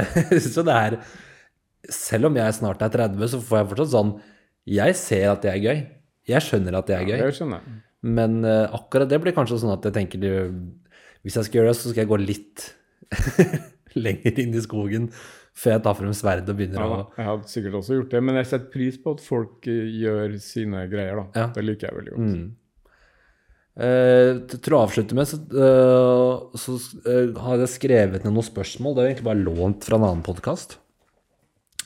Nei, det var på telefonen jeg hadde skrevet det ned, men jeg kan ha det i hodet. Og det er eh, litt sånn på tråden vi var på nå. Er det noen ting du opplever at du mener som alle andre eller hele verden er uenig i? Um, nei, det er nok ikke så veldig mange ting. Selvfølgelig jeg er jeg enig med både det ene og det andre, men uh, Ja, hva da? Nei, men uh, Nei, det her med at verden uh, sitt klima er i ferd med å havne av hengslene, f.eks.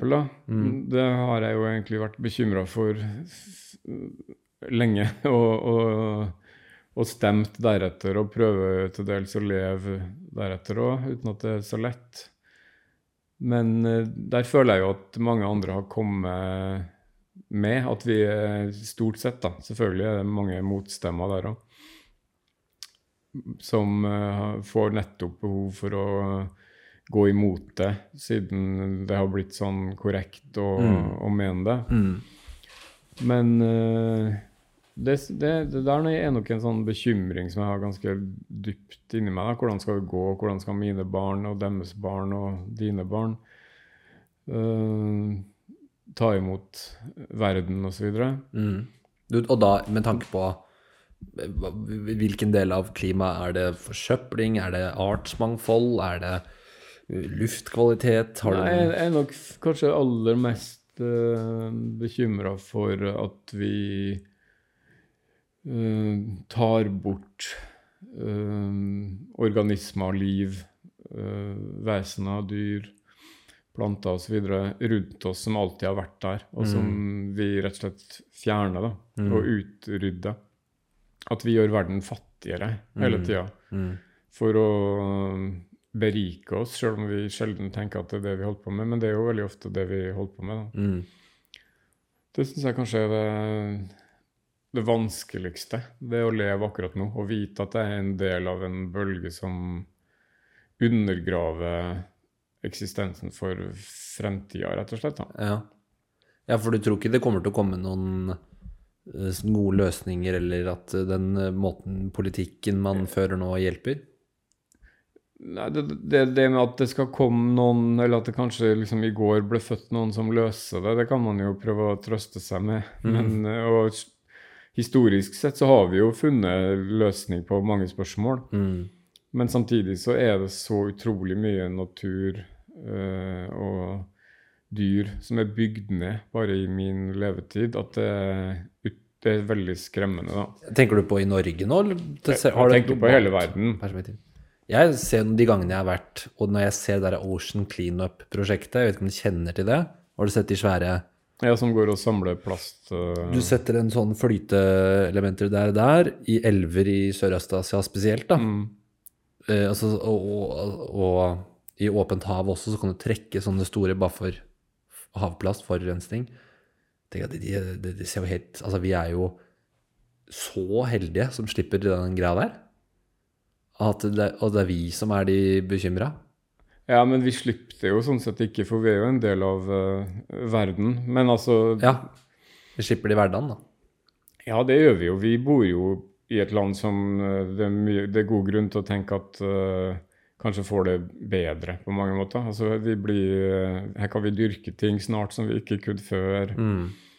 Uh, vi, vi får varmere somre. Så det, sånn sett, det går jo ikke an å isolere enkelte land lenger. Nei. Men det er jo ingen tvil om at vi så langt slipper bra Mm. unna, sjøl om det regner mye og fossene blir store og oversvømmelser og sånn. Men eh, nei, nei, vi er jo ekstremt privilegert og kommer sikkert i overskuelig framtid til å fortsette eh, å være det. Mm. Men vi fører jo ofte en politikk som er med å undergrave Mm. istedenfor å gå med et eh, godt eksempel. Fordi det er økonomisk eh, vanskelig å gå foran med et godt eksempel. da. Alt Mm. handler jo om det. Mm. Den bunnlinja, liksom. Det bekymrer meg. Men altså, det er jo ikke sånn at alle er uenige Nei, nei, men jeg, jeg skjønner hva du mener. i det. Men eh, hvis du kunne på en måte innført en regel i Norge for å bøte på det her, har, du, en- har du noen løsninger, eller bare går du rundt og tenker på det? Har du noen forslag til løsninger? Jeg er jo ikke noe politiker, og har, Nei, nei, men har nok ikke noe hode som går eh, så godt i den Men en tulleregel, da. Bare en sånn Ja, nei, men vi, altså, matjord burde vært hellig, f.eks. Vi burde ikke fått lov til å bygge noe på matjord. mm, Fordi den uh, lages ikke på nytt. Det, det fins fra naturen sin side, og så er det det var det, liksom. mm, Um, nei, og så syns jeg jo, som vi begynte med, folk, kun, folk alle som kun og var i stand fysisk til å sykle, burde jo sykle. Ja. Det, er- det syns jeg er den letteste greia. Bare Ja, du løser noen problemer, men du løser ikke orangotangen sine problemer på Sumatra, Nei. liksom. Nei. Men uh, absolutt. Det er et godt sted å, å starte. Mm. Men med matjord så mener jeg Jeg, jeg, jeg mener å ha lest at uh, Nederland er et av verdens største liksom, matproduserende land fordi de gror i drivhus i etasjer. Det er masse Og som så ble jeg bare gjøres. Oi, er det, er det mulig? Så det er bare at vi er bare jævlig treige og late på å finne opp og være uh, Vi tilpasningsdyktige kommer helt sikkert til å tilpasse oss og løse det. Men, men når man drar ut i naturen, også i Norge, da, og, men i, også i USA, som jeg var i i fjor, og ser på de ressursene som fins, og som en gang har funnes i enda veldig mye større grad enn de gjør nå, så blir man jo helt mørkredd. Mm. Altså de, de der gigantiske grantrærne rundt Mount Rainier, som det heter det oppi der, Mm. som, som har stått i hundrevis av år, Uh, og som sant, sju mennesker kanskje kan klare å holde rundt, Mm. for de er så tjukke. De, det har urbefolkninga forholdt seg til og skjønt at uh, trengs Mm. intuitivt. Mm. Og når, den, når hvite europeere kommer, så er det første de gjør, er å hugge den ned. Ja? Det første tanken er å hugge den ned. Ja. Og den, den, det tankesettet er så inngrodd i oss Mm. fortsatt. Hva kan vi bruke det her til? Mm. Kan det gjøre meg rikere? Det er det største problemet Mm. med hele regnestykket. Mm. Ja, det er ikke så lett å gjøre noe med. Nei, det er jo ikke det. Hvis ikke du sender hele Jeg hadde jo en kompis som var veldig glad i fine ting, og så sa jeg at du må dra på et sånn kurs i sånn mindfulness eller minimalisme, fordi du kommer ikke til å få mettet Og jeg for så vidt har det jo litt lignende sjøl behovet ditt. Så man må, vi må prøve å få skrudd Man må skru av behovet, fordi det Så kollektiv eh, mm, sånn Ja, det det. minimalismetankegang i- og mindfulness i barneskolen, Nei, altså vi, så foretrer jeg det, er jo, det er jo akkurat sånn det er. Vi har utrolig mye å lære av uh, den urbefolkninga som uh, har gått før oss, og som fortsatt til dels prøver å klamre seg fast på visse steder. Mm. Og nå, nå har jo han uh, Hetta ligget ut, 22-åringen ligget utafor Stortinget i et par uker med en ganske viktig beskjed, som handler om den eh, Fosen-saken som det var demonstrasjoner mot i vinter. Ja. Det blir jo for oss en kuriositet, og vi leser litt uh, intervjuer i avisene og sånn, men beskjeden er liksom glassklar. Mm. Skjerp dere. Mm. Prøv å sette dere inn i hva det her egentlig betyr. Mm. Og det gjør vi jo ikke, fordi vi er fanga i et, sant, et lo logisk nettverk av, uh, skaff, av anskaffelser. Da. Mm. Eh, og når du først går i den retningen, så ser du ikke i den andre. Og det er jo den største, ja, den største smerten å observere at vi lever i en tid som er sånn. Du har sikkert fått det spørsmålet her mange ganger, men eh, For du skriver jo om det i Doppler. Er det egentlig bare deg sjæl? Nei, det er, ingen, det er ingenting som er sånn direkte meg sjøl. Men jeg bodde jo i et område der nede for Sognsvann, som du antyda, i ganske mange år. Jeg bor ikke akkurat der nå, men ikke så langt unna heller. Um, så jeg har observert mye av det her og tenkt rundt det. Og jeg blir nok i møte med den hva skal man si, flinkheten, da. um, som på en måte er skadelig Mm.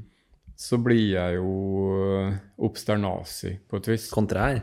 Og kontrær. Sånn at uh, Doppler kommer litt fra det. Ja, for det, det, er det, det, det resonnerer jo veldig med meg, og det kan hende at det resonnerer med mange. Uh, men uh, det er jo det jeg syns er gøy. Det er det jeg syns du er god, når du på en måte litt sånn på en mild måte erter litt det teite.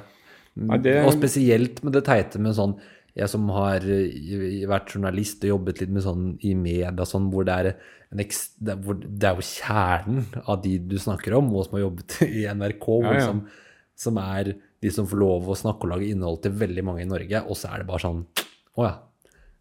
Alle bor to kilometer unna Marienlyst, ja.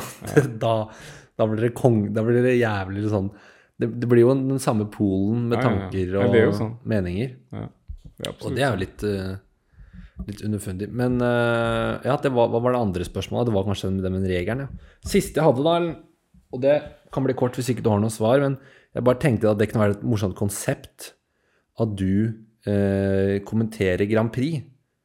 Uh, har du et forhold til Melodi Grand Prix? Jeg har et forhold til Melodi Grand Prix. Jeg så jo mye på det i oppveksten.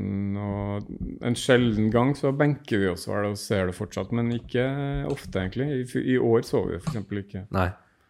Nei, det var ikke noe mer enn det. Bare, jeg syns bare det hadde vært et morsomt møte med dine underlige tanker og rolig måte å snakke på. Ja. Kanskje ikke på NRK1, men hvis du kan bytte til NRK2. Eller du kan taste fem, så kan man bytte bort det vanlige kommentatorsporet ja, sånn, og få en litt sånn ironisk, syrlig fyr. Jeg kan godt gjøre det, men i utgangspunktet så liker jeg jo veldig godt alt som binder oss sammen, da. Det er, altså Fotball-VM, fotball-EM, Grand Prix, sant, hvor, hvor eh, Europa som har kriga i hundrevis av år legger bort det, og så møtes vi i en eh, fest med farger og dans og musikk. Det liker jeg jo. Så noe, jeg har ikke noe Nei. grunnleggende ironisk syn på det. Nei, men jeg har heller ikke Jeg, jeg, jeg har nok et, litt lignende forhold til MGP er jo på en måte teit på sin måte, men så det er utrolig vakkert at alle som eller har en litt sånn odd musikksmak, som vi alle har, uh, får lov å bare leve det ut. Og så i uken etterpå så vet jeg Hvis du plutselig er på tur til Nederland eller til Hellas, så kan du høre den sangen fra Belgia. Og så, altså, plutselig så er vi europeere, da, på en måte. Og det er ikke så ofte jeg føler at vi i Norge har noe med Europa å gjøre. Nei, nei, men akkurat da så føler jeg at liksom, herregud, vi er en del av en gjeng, vi. Ja, ja, men det, den, det, er jo bra hvis du føler det. Jeg føler meg veldig som europeer nesten alltid. Gjør du det? Og stor respekt for det. Ja, det gjør jeg. føler at vi er, vi er jo absolutt en del av Europa. Når jeg ser det europaflagget, så tenker jeg sånn her Jeg syns ikke det har noe med meg å gjøre. Jeg syns det er et stygt flagg. Jeg sånn, skjønner ikke hva ikke. Men problemet med NRK Nei, ikke NRK. MGP er jo at uh, at det hele tiden, at de sangene har en tendens til å bli minste felles multiplum-sanger. da. Hvis vi snakka om kunstig intelligens her i sted, så en del av de sangene kunne man sikkert allerede i dag ha bedt chat-GPT-lag både teksten og melodien til. Ja, ja. og det, sånn, sånn det er, er jo problemet. Mye, sånn er det jo med mye sånn musikk, da. Men det at vi møtes og kler oss ut og feirer hverandre og gir poeng til naboen osv., det er jo bare koselig. Jeg syns det er hyggelig. og eh, jeg syns det er uforutsigbart det med MGP, hvor du plutselig kan Og nå sier jeg det også fordi jeg jobbet jo som det som, altså som kulturjournalist, og syntes det var litt tåpelig i starten. Men så måtte du sette deg inn i det fordi du skulle lage sak på det, så begynner du plutselig å like det veldig godt og få en veldig sånn varmt hjerte for alle disse Mange av de er litt sånn utskudd uh, når du får høre backstoryen deres, da. Uh, men uh, at det er vanskelig å gjette på blir det i år et sånt helt fucka innslag som vinner, eller blir det en sånn pen dame som har en vakker ballade? At det er helt sånt Du kan nesten ta tempen på stemninga, mm. eller sånn snitt av en stemning. Sånn som når de finnene vant med sånne Har du hørt den Hard Rock Hallelujah? Mm, ja, ja. Som er en sånn Wow, hvem kan gjette på at det var det i år? Som ja. Nei, det der er jo gøy. Men det er gøy fordi det binder oss sammen. Fordi vi tradisjonelt sett har vært skeptiske til hverandre. Og så nå feirer vi at vi tross alt er en enhet, da, mm. inkludert mm. Australia og Israel. som er koselig. Ja, jeg syns det er også bare nå fikk vi ikke snakket om Australia, som er sånn annen land jeg har dilla på, men uh, det får bare være. Uh, jeg har ikke noe mer på agendaen, jeg. Men takk for at du kom og fortalte og delte. Sure,